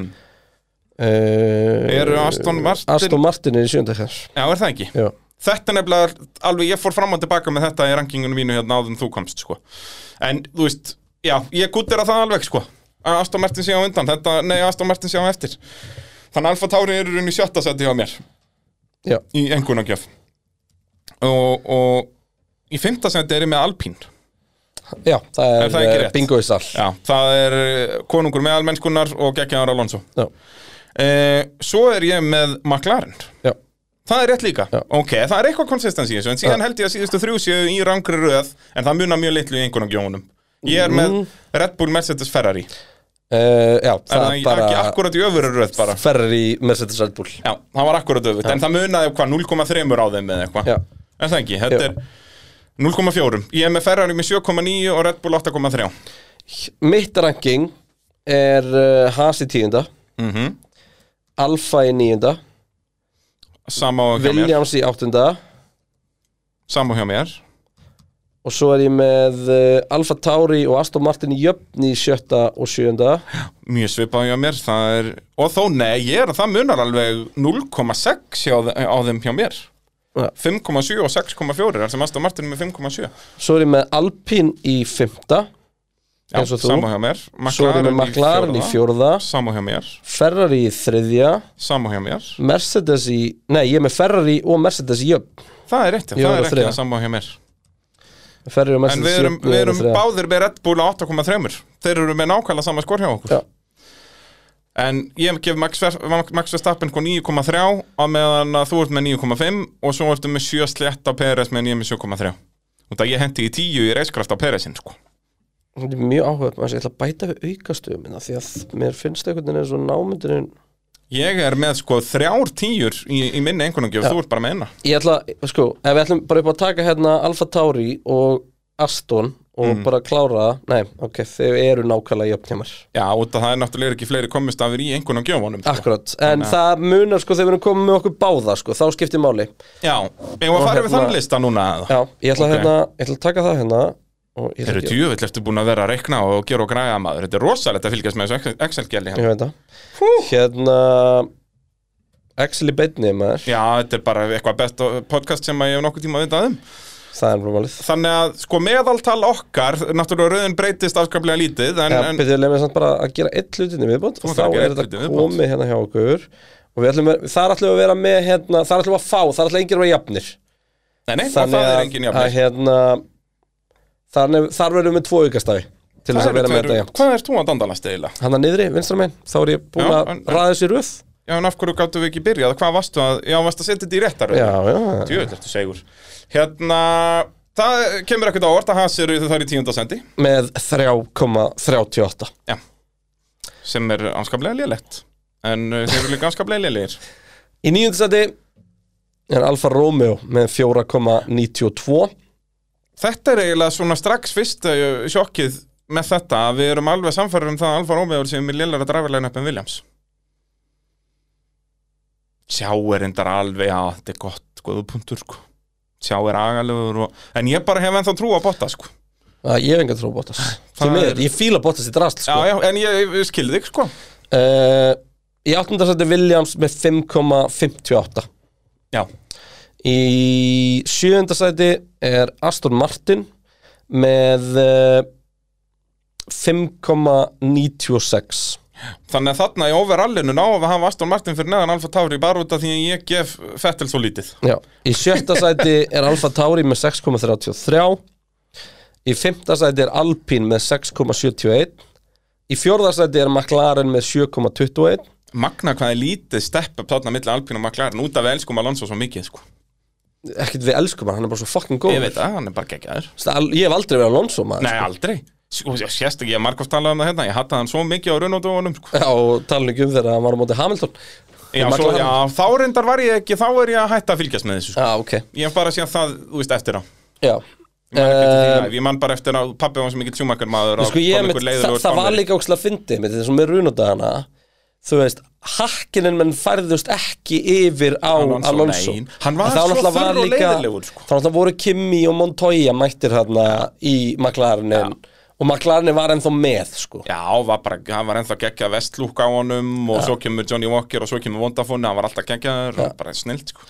um, hvar voru við? Við Alpín, vorum já, í 6.71 McLaren hérna. Svo er McLaren í fjórað með 7,21 Mhm. Ferrari í þriðja með 7,96 og taktið þessu er að gera maður 0,08 upp í Mercedes 8,04 og Red En ég- Bull en síðan í ég gef, sko- 8,29 Þetta er að magnaða sko, þetta fyrirfram ga- va- hafði ég Ferrari efst á undan Mercedes en ég hafði Red Bull í þriðasendi sko. En það, á öllum okkar listum er Red Bull bara talsvert landa á undan öllum öðrum sko.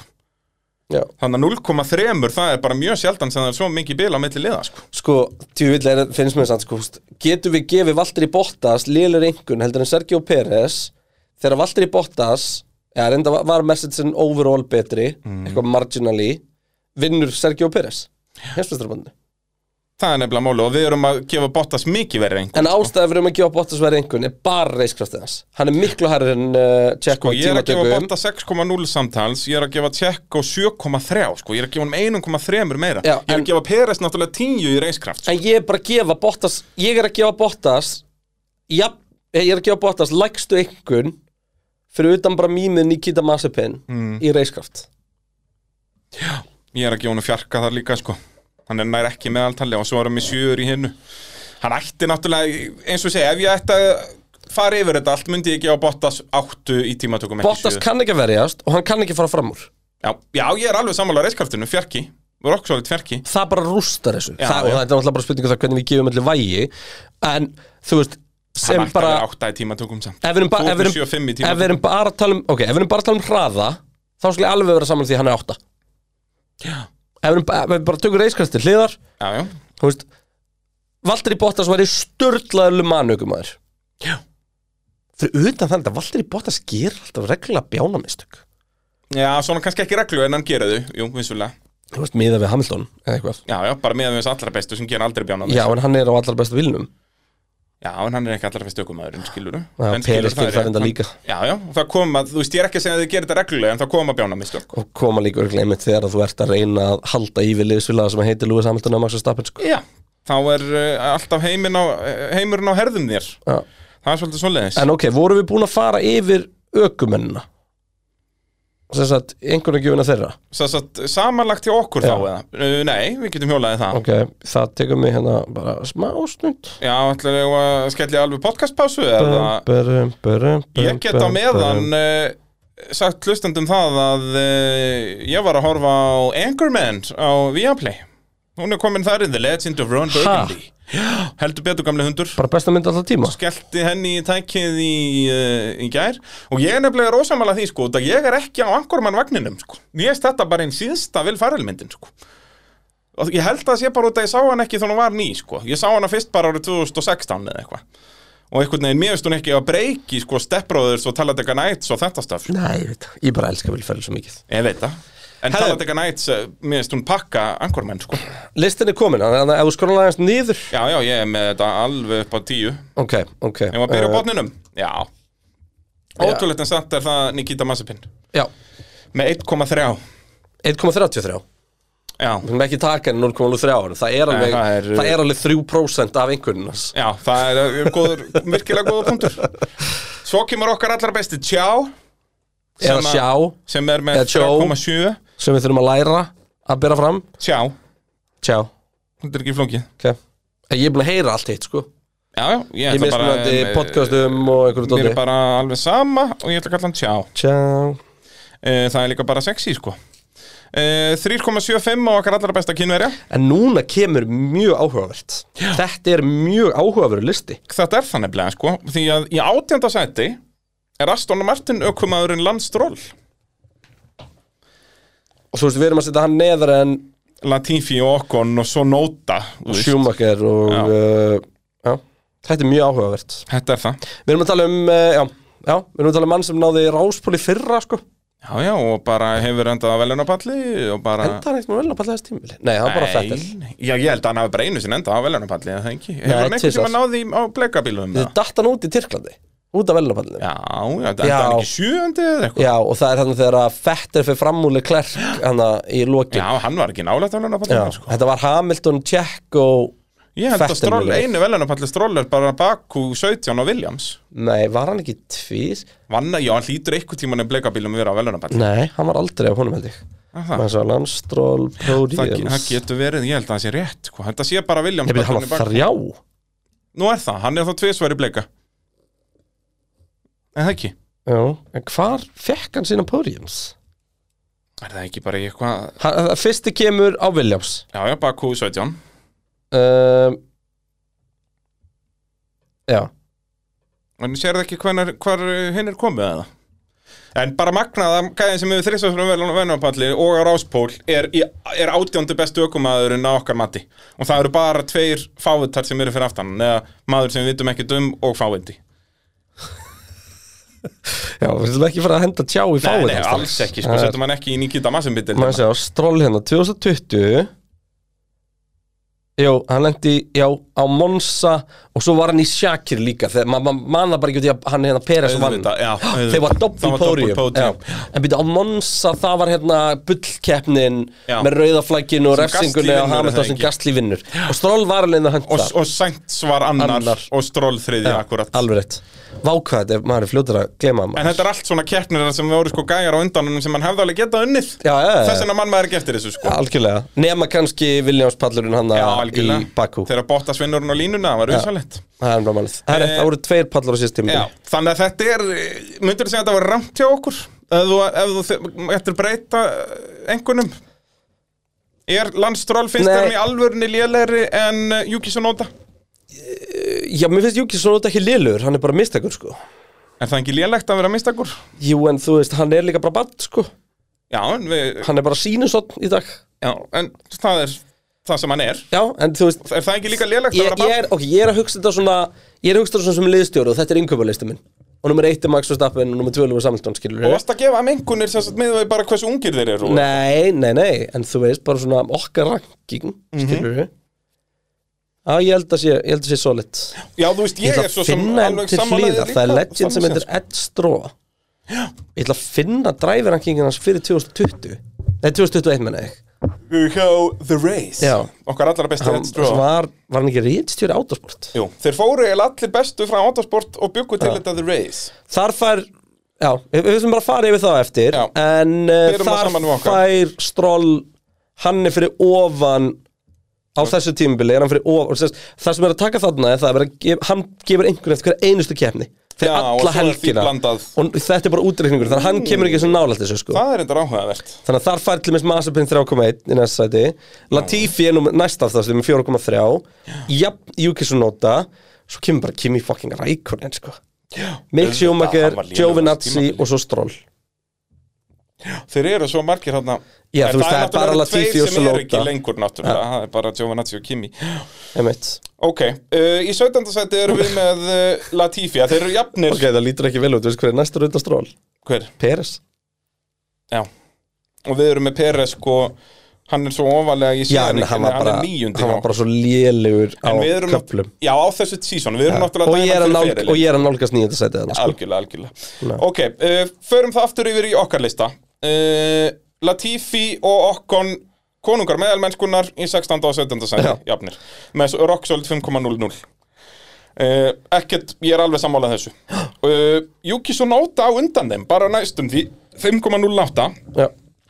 Það er áhugavert Og ég er ósamála þessu Að Hann sé fyrir ofan þá Ef ég er Þú ert liðstjóri búinn að gefa þetta Já, algjörlega, en þú veist, við þurfum að ræða þetta að, sem, Ef sagt, ég er list, er að mynd taka Júkisson nota sem jöngan já, sem, sagt, sem númer tvö ökumann myndur þú velja svo nota á undan okkur neða Latifi Þú veist bara með verðstappin væri- í sæti númer eitt og þú veist að velja númer tvö Fyrir næst tímubil Já, Já, Þú myndir gera það já, Myndir þú halda að það myndir skilja fleiri stigum já Þakki ég er hjá ósammála sem nota er hátt Ég myndi halda að en ég væri þú að veist, vestla til þú ert- framtíðar Þú ert bara, segjum að þú ert með bíl bara Mercedes og ert með Og ég má verðstappin bara velja á milli Sonota, Okkon og Latifi Já, Þá tæki ég Sonota tækir þessu nota, ok já. Ég nefnilega er ekki svo við sko Ég held að Takir þú myndir Latifi? tapa Ég myndi taka senni, nei, okkur Bara því hann er búin að vinna keppni og búin Já, að bara, ég, þú veist, ég held að hann sé stöður í nummer tvö, skilur, ég er sammála að notaði framtíðin og hann á geggjuð pík og allt svona en ég held að hann minni fá færri stig Já, já, þetta gæti alveg hljóma bjánulega í lók tímubils sko, næst tímubils, en Já, við erum svo sem geta velta okkur mikið upp úr því, sko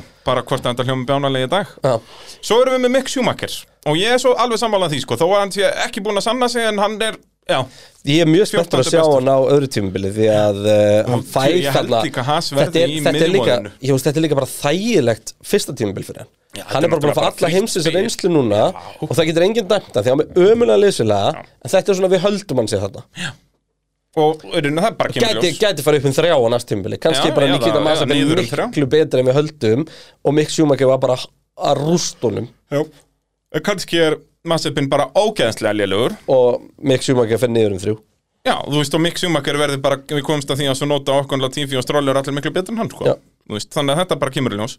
Það er líka svo fyndi að vera að ranka hérna einhvern veginn eins og Esteban Okkon sem er sturdlaðar aukumæður Þú veist, ef þú bara tækir aukumann Mhm. Já, já. þá er hann með 98,5 í einhvern ef að Hamilton og Verstappen er með 100, 100, jep. og B100 er með eh, 3 skilur Já, við skulum halda hestunum okkar, ég fengi kannski 21 eða eitthvað. Já, ok, 21, ég skilja 21 Já. Takk Náttúrulega fyrir. Íslandsmyndar rally og eitthvað svona Já, já, En Þú veist, vel það fattar ekki. bara hvað ég meina Ég veit skilurðu. það. Ah. Þannig að ég hef- ég hef búin að vinna náttúrulega eitt sísun í Formule 1 2021 og eitthvað skilur Já, ég er nákvæmlega, þannig að grjóthaldur kæfti. Akkurat, Þannig að- þannig að ég er ekki búin að því Það er, já, ég segja það, þannig að ég er teknilega sem betur en þú. Uh, svo erum við með áhugavert nafni 13. sendi á undan Mick Schumacher. Já. Valtteri Bottas. Já. En þarna kemur stórt stökk, sko, hann er 0,6 á En undan. horfðu þarna, horfðu á allan listan upp já. Þú veist og þú ert leiðstjóri segjum bara Aston Martin fyrir næst tímbil Já, ég myndi aldrei velja Alexander Albon á undan Bottas Nei, en alla Aldrei. fyrir ofan það e, Þar eru mér ekki Gjörd og Rössal Peris Vett Ekki fara við yfir listan ah, Sorry með mig e, Þú nei. myndir taka alla þetta fram með Já, Bottas það er nefnilega málið Ég, myndi, ég, ég er ósamála því að Albon sé betri en Bottas Já, en það er náttúrulega við bara eitthvað að reyna að muna Já, þú já, veist. algjörlega Eh, Og það er líka og- bara gaman að fara yfir þetta Já. og, En Alexander Albon er sem sagt þarna í 12. seti á undan Bottas 6,17 Munar bara 9 á þeim Nú- eh, 0,09 Þannig Svo að er ógislega áhugavert og- með 11. sæti okkar Já, og því að það er engin annar en uh, ástallin brósmildi Daniel Ricardo já, sem hefur unnið sko einhverja hvað Já. hátt í tíu keppnir en ég ætla að taka sömu lókíku ég var að taka á þig ég veit ekki hvernig ég myndi taka hann fram yfir fyrir ofan hann á þessum lista Það er nefnilega málið sko að ég er, hann er bara þannig hann er bara 11 eins og staðan er núna þá er hann, þú veist, við erum með Fettel er þarna einhver staðar í kring Þú veist, og hann er 2018 fjórfaldur heimsveistari en við þurfum að taka stöðuna bara fyrir 22 við erum að- 2018 Daniel Ricardo var í topp 3 100 p 100 p, hann myndi pakka Max, eh, 2018 Max Verstappen eins og hann já gerði ég nú meina, meina bara að þú, ef hann myndi bara mæta hann 2018 Ricardo hefði bara verið á þessu tímbili hann hann væri svona væri pari við Alonso svona já jafnvel að banka í Hamilton og Verstafin já, samanlega hann var heimsklassa sko já, bara geggjaður á Red Bull sem að var þriði besti bílinn og var að vinna keppnir, skilur akkurat þannig að- að algjörlega en uh, það er ekki 2018 lengur nei skjótt skipast viður í lofti jep Uh, Ricardo, 11. í 10. seti kemur messendisaukumæðurinn George Russell með 6,75 og Sem að þetta er bara segir- spurningamerki sko. Já, en það seg, þetta segir okkur eiginlega meira bara um gæðin á fíldinu heldur en eitthvað á rössal og þetta er það sem við erum alltaf að tala um hvað fíldi í dag er bara eitt af besta í söguformúlunar Því að þú veist, og þú fer þetta með er hann- bara svolítið að sanna það sko. Þú ferð upp með hann um einn í engun og hann er komin í sjötta seti sko Já, þetta er ótrúlega tæft þarna þetta er raun að kemur risastökk þarna frá Mick Schumacher til Bottas og svo er þetta bara svona þarna 0, hvað er vissulega alveg 0,4 á milli Ricardo og Russell Já, 6,3 upp í 6,7 Uh, en svo í nýjunda seti kemur Tjekko Peres Þeir eru hlið við hlið þannig að númer 2 hjá Mercedes og Red Bull já, sem er helviti magna en ég hugsa að þetta eigi eftir að breytast mikið eftir tímubili Ég já, já og til held að þeir dæmis vera báðir í, í topp Það er náttúrulega út að þeir eru það er svo geggja talent í Ferrari og McLaren sko. þess að þeir já, þrýr Það er bara svo mikið að tala til formuleitt að til dæmis áttunda seti okkar er fjórfaldur heimsmeistari Sebastian Vettel Já. Þú veist bara magnað en ég meina það er bara tímandur að breyst Já, en ég menn þú gætir aldrei sett Vettel fyrir neðan topp 10 í þessum á þessum lista sko Nei Þú veist, Út hann að- þarf að eiga út að hann helviti reyn- stað eða sk- Ef við varum að gera þetta eftir 2020 tímubili þá væri hann þar sennilega Út af Já, því að það þá var ke- agalegt. var ég handvið sem hann væri búinn sko. Já. En hann náði að rífa sig í gang sko. á, svona, Það tók hann hvað, svona fjóra-fimm En kemur núna, núna erum við í pakka Já, Nú er þannig er ekkert á þetta allt milli sko. bara okkar eitthvað 0,1 á milli allra sko. Og í sjöðunda 0, Þess að Vettel fær 7,42 í áttunda seti og Gastli í sjöðunda fær 7,58 Það er bara smá hann á milli En spurning, Og- Gastli er bara sjöundi Já, Og ég vildi samt meina að Gastli gæti mögulega verið maðurinn sem að Red Bull Nei, sem Mercedes ætti að sækja ef að Hamilton fari út en ég er samt sammálaði þessu sko Ég myndi ekki, út af bara Gastli hefur ekki náða að sanna sér nógu mikið sko. Það er það Já, sem og er svo er málið. líka sem svo áhugavert í þessu aukumenn Er að sko Það eru gaurar sem að ég get sett á par við Hamilton og Verstappen Í einum af þremur Já, En ástæðan fyrir að Hamilton og Verstappen eru Svo geggjaðir Er að þeir eru alltaf Þeir mæti hver einustu keppni og eru bara on their A-game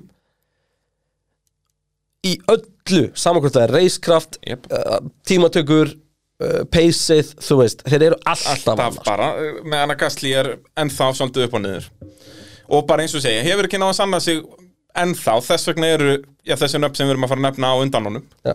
en ég er sammála að fyrir 2022 tímbil er hann á undan Fettel semst er Gastli betri ökumanns pakki heldur en Fettel Já. en þú veist basically á jafnir eins og þessi Nei, ég er listi samlega getur því, ég minna Gasly bara, Gasly er eina ástæðan fyrir Alfa Tauri er ekki bara í áttundarsæti líka við Jep. Uh, svo erum við komin í, í stóru nöfnin og erum að detta, þarna er aftur svolítið stort stökk, uh, tæplega 0,4 upp í Charleslega Klerk í sjötta seti sem með tæplega 8 einhvern, 7,92 Já, tökum hérna þess að þrjá hérna núna bara saman Já. sem er að koma og ást, þetta, þetta, er- þetta er útskynning og af hverju þetta var svona spennandi Charles Leclerc 70, 7,92 Carlos Sainz 50, 8,00 Landon Norris 4, 8,08 Við erum að tala um það eru sek- 0,16 Já, á, Á milli Norris og Leclerc. já, Í þriðja En- og og ég fymta er sæti 100% sammála þessu. Fjórða og sjötta sæti Já. Ég er hundra bara sammála þessu A að þeir eru þarna basically bara jafnir Já. og svona þetta fer bara eftir alls konar aðstæðum en þeir ég set þá alla í sama pakkan sko. Yep. en síðan finnst mér magnað að við erum með Fernando Alonso langt á undan þeim sko. en það er samt ekkert magnað Nei, Nei, hann Fernando var Alonso svo- er fokkin geggja Hann var svo góður í öll Það er þessi gæi er sennilega bara eitt besti ykkur maður allar tíma Já, er hann sko ég bjóð til lista hérna meðan við vorum að býða ef við topp 10 ökuminn þessara aldar myndur setja Alonso hvort myndur setja hann í þriðja eða fjórða og þá erum við að tala um hann sem að berast við Fettel Hvern, Þú ert með Hamilton eftir væntanlega Hamilton Schumacher eftir verður að vera já, já, þú ert talað frá 2000 Já, á þessari öld Þannig að Hamilton og Schumacher verða að vera í fyrstu og öðru eða Schumacher, Hamilton, hvernig sem að þú vilt En akkur getum við ekki sett Alonso með Hamilton og Schumacher Við getum það Því að ef þú bara spáir í því En þú ert sérst að segja að hann sé betur en Fettel Það var fyrsta spurningin sko Sko, hvort hann hvernig sé í ertu þriðja að eða meta fjórða? þetta? Því að þú veist, Bara bestu, bestu ökumenn Fettel Þetta er Red ekki Bull eftir tölum en- 2010 til 2013 er the perfect storm sko. Já, það er bara þú veist, ég myndi segja, ég held að svona eftir á að higgja að það hafi verið auðveldar að vera heimsmeistar á Mercedesnum 2014-15 heldur en á Red Bullnum á þessu tímbili já, en sérst- já, þetta skiptist alltaf í Þetta eru tvö Þeir voru tvö ár invincible og tvö ár ekki Já, Þeir en þú eru veist, 10 og 12 og þar sem voru ekki góðir eða sérst á pari við bara já, næst en þú besta veist það bílinn sem ég er bara með að segja er ég held að Mercedes hafi verið meira dominant Heldur en Red Bull 11 og 13 Já, ég held það Já, já, Ég 14 væri, og ég 15 væri, væri alveg til í að taka einhverja tölfræði og tjekka þau hvort bara, þú veist, F- 14 og 15 skal ég gútera að Mercedes voru meira dominant en, en þú veist 2014 en þú veist eins og Red Bull 2013 er kjaftæði sko. Já, en sann 2014-15 Mercedes já, já, það er rétt, það var þeir, tók, þeir bara, þeir, þeir dominuru tímandökur og þeir þurftu bara að vera 80% Já, algjörlega og þeir fóru bara í startið og þeir voru bara komni með 10 sekundar fórskot og svo krúsuðu þeir en voru samtaka 0,3-0,4 af öllum og ring sko. 14-15 Mercedesin er ánefa betri meira dominant heldur en Red Bull 11 og, og er betri en Red Bull 13 en bara næstum því myndi ég að segja En við þurfum að taka þessu umræðu ykkur tíma, þetta er áhæfur umræða Mhm. og, þannig að ég, ég held að það sem að Fettel gerði þar var mjög impressiv Mhm. og við erum líklegast að tala um eitt allsterkasta grid ever, ég minna hvað voru 7 heimsmyndstarar á gridinu Já. þannig að hérna þannig að þú veist ég, ég, ég held að topp fjóru sé alveg klárt á Þú veist, Alonso to, to, Nei, topp fjórir, það er að meina bara hverju þeir eru Já, skilur en í hvaða Þú veist, röð það, er, myndum við? það, er, það er eins og við tala um Hamilton og Schumacher, Vettel og Alonso En máli með Alonso Já, veist, ég hugsi ég myndi ranka Alonso sem betur aukumann heldur en Vettel Ég held að ég verði að vera sammála sko Ég myndi Út jafnvel Alonso hefur aldrei verið á langbesta Það er nú málið Og þess vegna Aldrei. myndi ég jafnvel að ranka hann efstan á þessum lista Þú veist, 2005 Runóin var fýtt fyrir hlutatíðumbil sem McLarenin var hún betri setni hlutan, sko Já, veist, hann bara og síðan var Ferrari hún orðin geggjaður 2006 og McLarenin Já, og bara ef þú horfir á þegar Hamilton fellur aftur í midfieldið Hann var algjör saur Klessandi á massa í all, öllum keppnum og þú veist, Alonso var ekki aðeins Alonso bara í 15. sæti á McLareninum Var var, bara ennþá- fokkin berjast ja, og var ennþá flawless, skilur hann var aldrei í þessum einhverjum svona skít sko. Nei, hann var bara með GP2-vél Já, já. og bara var að gera það besta sem hann gætt gert og hann sannaði með það að eiðilegja ferla leysfélaga sína sko. Akkurat Sem og hann lítur er búin bara út eins að og bjánar, vera svona í sko. 15, eða 20 ár sko. Já. Ég hugsa að Alonso Hann mun aldrei fá titilinn nei, nei, En ég hugsa hann sé bestu hugum að samtímas Ég er ekkert að segja hann sé bestur akkurat núna sko. nei, Það nei, er ekki það sem en- meina nei, ég veit hvað það En meina svona á þessu 20 ára tímubili þá hugsa ég hann sér jafnvel betur en Mikael Schumacher sko. og Alonso, Og- og, nei, og- og, og Lewis Hamilton Hamilton, og og, og, Vettel. og Fettel og, og, já þessi, to- þessi fjóri eru klálega fjóri bestu Já, algjörlega, það er engin þessar spil, no, no contest 100% sammála því og svo er bara áhugaðar hverjir eru fyrir aftan Já. og Max Verstappen kemst síðan þar einhvers staðar nálægt fyrir aftan Ég er bara út því nefnilega hann með, sko- er komin í píkið tiltölulega snemma á ferlinum en þú veist, Max Verstappen verður gæðin sem við horfum á eftir þennan áratug og segjum hann er bestur á þessum áratug segi ég. Já, ég er sko með Max Ég ræða þessu upp sest, fyrir aftan þessa fjóra er ég með Verstappen, Rækonen, Bötton, Montoya, Rosberg, Massa S- segðu þetta, þannig að þú er með þessa fjóra og svo er í Ég er með, fimmtastæti ég er með Max Verstappen og undan Kimi Rækonen Þeir unnu báðir eitt titil en ég held bara Max Verstappen sem Nei, ekki betri en Max Kimi Verstappen Rækonen vann ekki einn titil á 2000 til 2020 Við erum að tala um bestu á þessari öld Það er ennþá 69 Já, ára já, eftir á já, þessari þú, öld þú, þú Nei, ert að taka 79. þetta ár með Já, já, bara á Já, þá þessari er ég öld alveg til í að setja max þetta Þetta ár er á þessari öld Þá er ég alveg til í að setja max í 15. seti Jeps. Ég samlega því, Kimi Rækonen var rosalega óspennandi stórum hluta Verstappen á fyrirsis aldrei eftir að enda í Alfa Romeo og tapa sætti sínu á Ferrari til Jónkons hjá Nei. Alfa Romeo Nei. það mun aldrei gerast Nei. Eh, Þannig að ég set Verstappen á undan Já, ég Raikkonen. hugsa, og Verstappen og Alonso eru nákvæmlega sama mótið sko. Já, 100% En bara, við getum ekki sett Verstappenar strax Já, munurinn kannski líka, hvað fær Alonso mörg tíma bíl lélugum bíl áður en hann getur fyrir að berjast Hann fær minn ardi, Það er Minardi og svo tvö eða þrjú Runóan akkurat Sem En er Runóan basically- 2004 var Runóan að lágja sko Já, hann var lágætur, en það er bara sama og Max Verstappen og bara Já, já. málið það, við förum ekki að hugsa um Alonso fyrir en Alonso er farin að berjast við Schumacher Já, og hérna og ég held að sé svipa með, verður svipa með Max Verstappen eftir, Algjörlega. ein, eftir nokkur ár, þá munum við mun eftir Max Verstappen sem að vann fyrstu keppni þessin í Brasilíu, nei hérna í Barcelona tók styrlaða framúraksturinn á Rósberg í Brasilíu og uh, var alltaf upp þér, við erum búin að gleyma öllum þessum skýta mistökum Já, og Kína keppnum og 2018 dóti, og þetta akkurat, dót. einhverjum svona Já, já. bjánalegu og munum bara eftir Max Verstappen sem einhverju geit í þessu sporti sko. Jep, sem að tók titilin af, af Kóngnum, getinni, já. alveg eins og Alonso gerði, skilur Akkurat. Og svo er bara spurning hvort að Max Verstappen verði hefnari með bíl heldur en Alonso Já, Alonso náttúrulega á heimsmynd í því Að En vera djöfull gerði hann réttum vel- maður á röngum Þú veist, stað. ba- Það að Alonso vekkjur að heimsmyndstari 2012 Það er bara að kjafta Eða 2010, það er eiginlega 2010 er meira kæfti Já. Það var bara lata á undan honum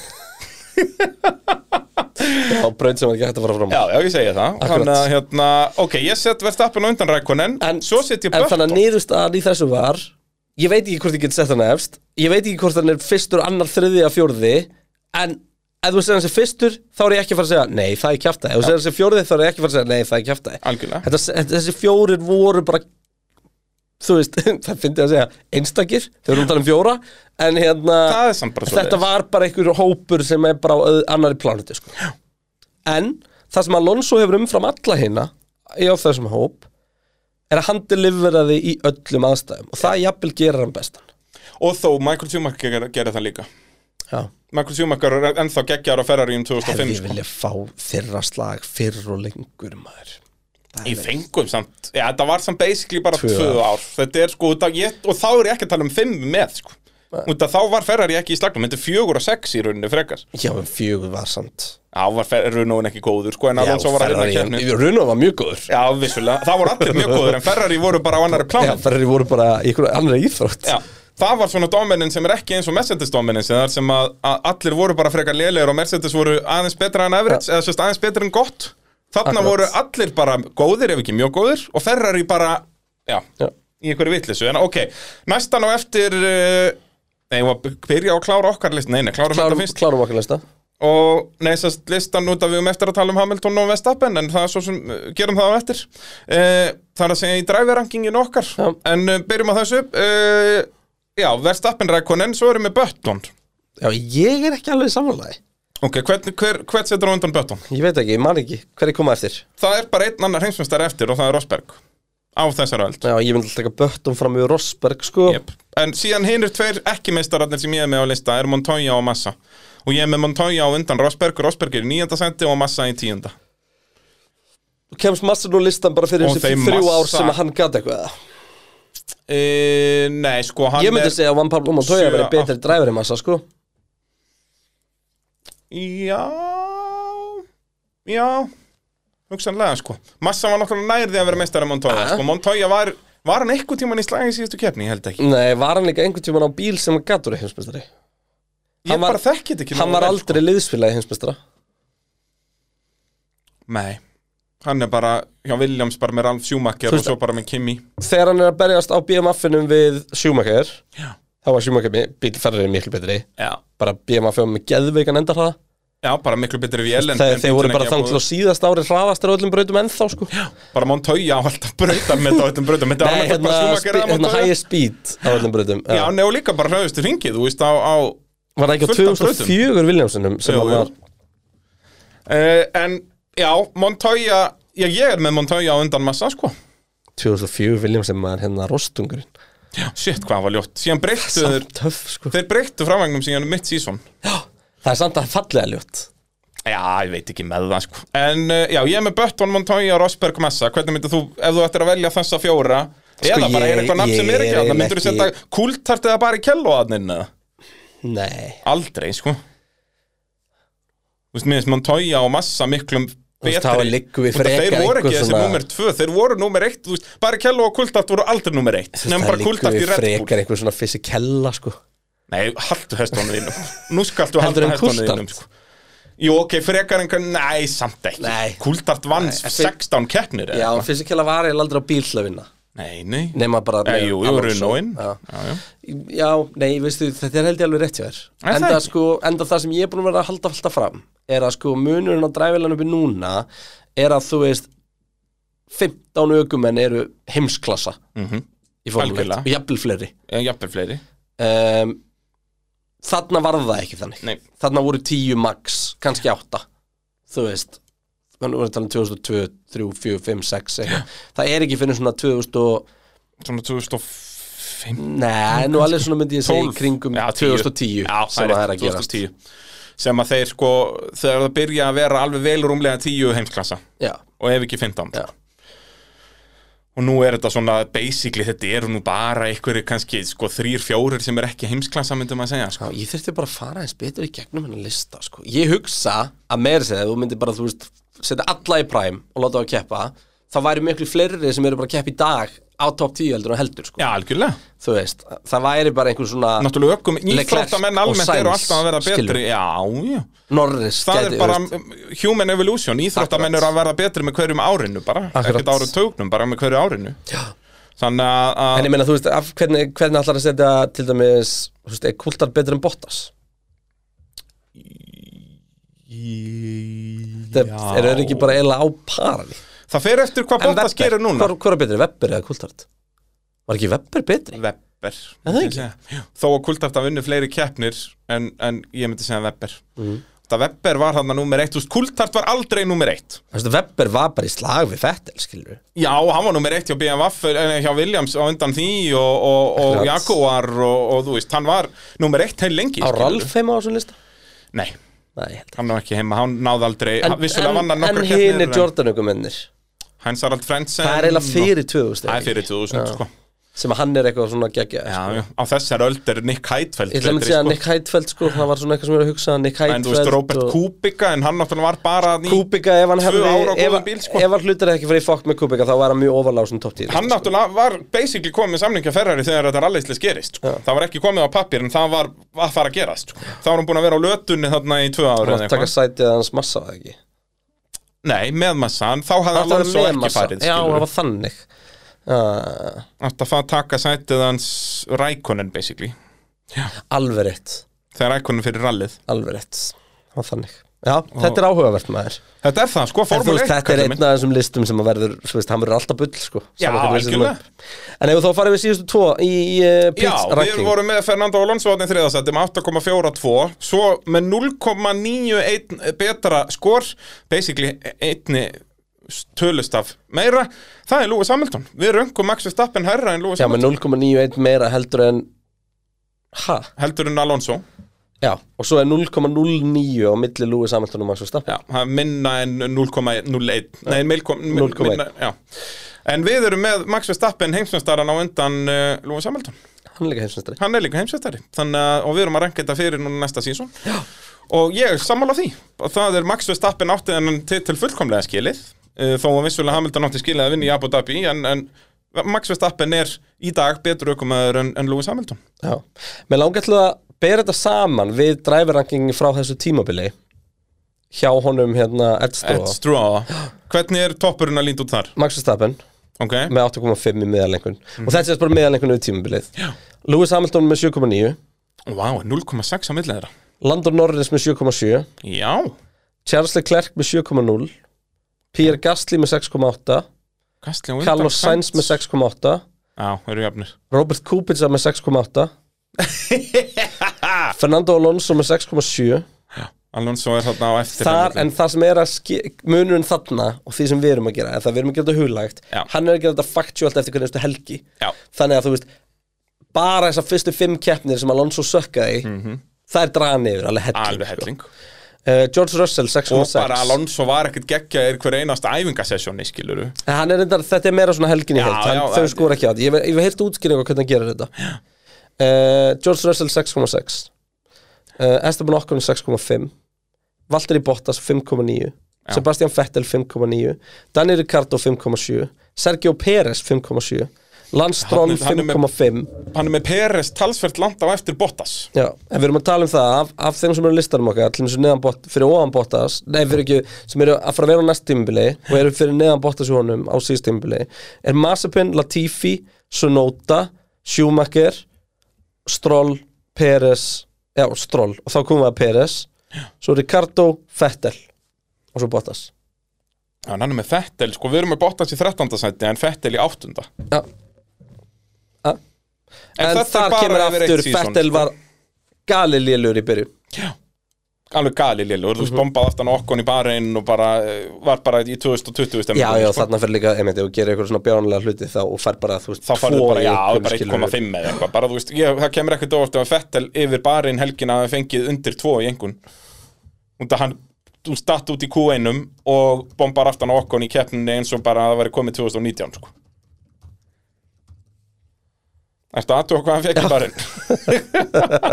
það er helviti gott Þetta er, alveg- þetta er mjög skemmtileg, Við- ég mæli með therace.com Já, Það er þeir eru líka gott með stuff. geggju podcast, þeir eru með tvö geggju podcast Bring Já. Back V8 sem eru svona V10s, klassíska sögur Bring Back V10s. V10s og Ég er búin að vera að sopna yfir því Já, það er Fæll vekk fínt. svo Fettel fekk tvo, sko e, Fer þetta þá ekki að verða ágætt hjá okkur? Við erum búin að heldur betur að að gera upp uh, þessu ökumenn Heldur og, betur.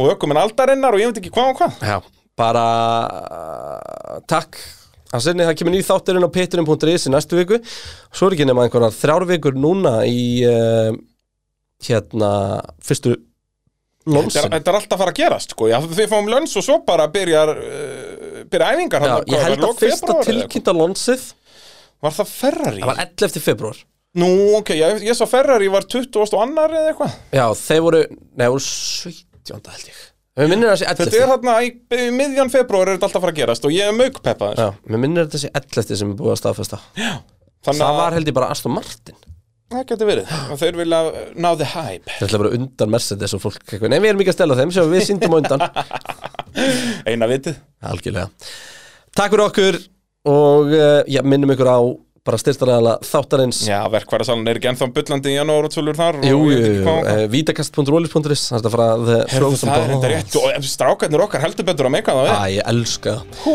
Svo er náttúrulega er, uh, já, Viaplay, þar er Afkon á fullu og bara eins og við Úi. segja hann fullt af nýju góðu stöffi komið þar inn og uh, svo er náttúrulega boðlið og uh, Úff, þar bara ef þú okkar allra ert í besta. business einhverjum rekstri eða eitthvað álíka þá skal það heyri, heyri þetta svo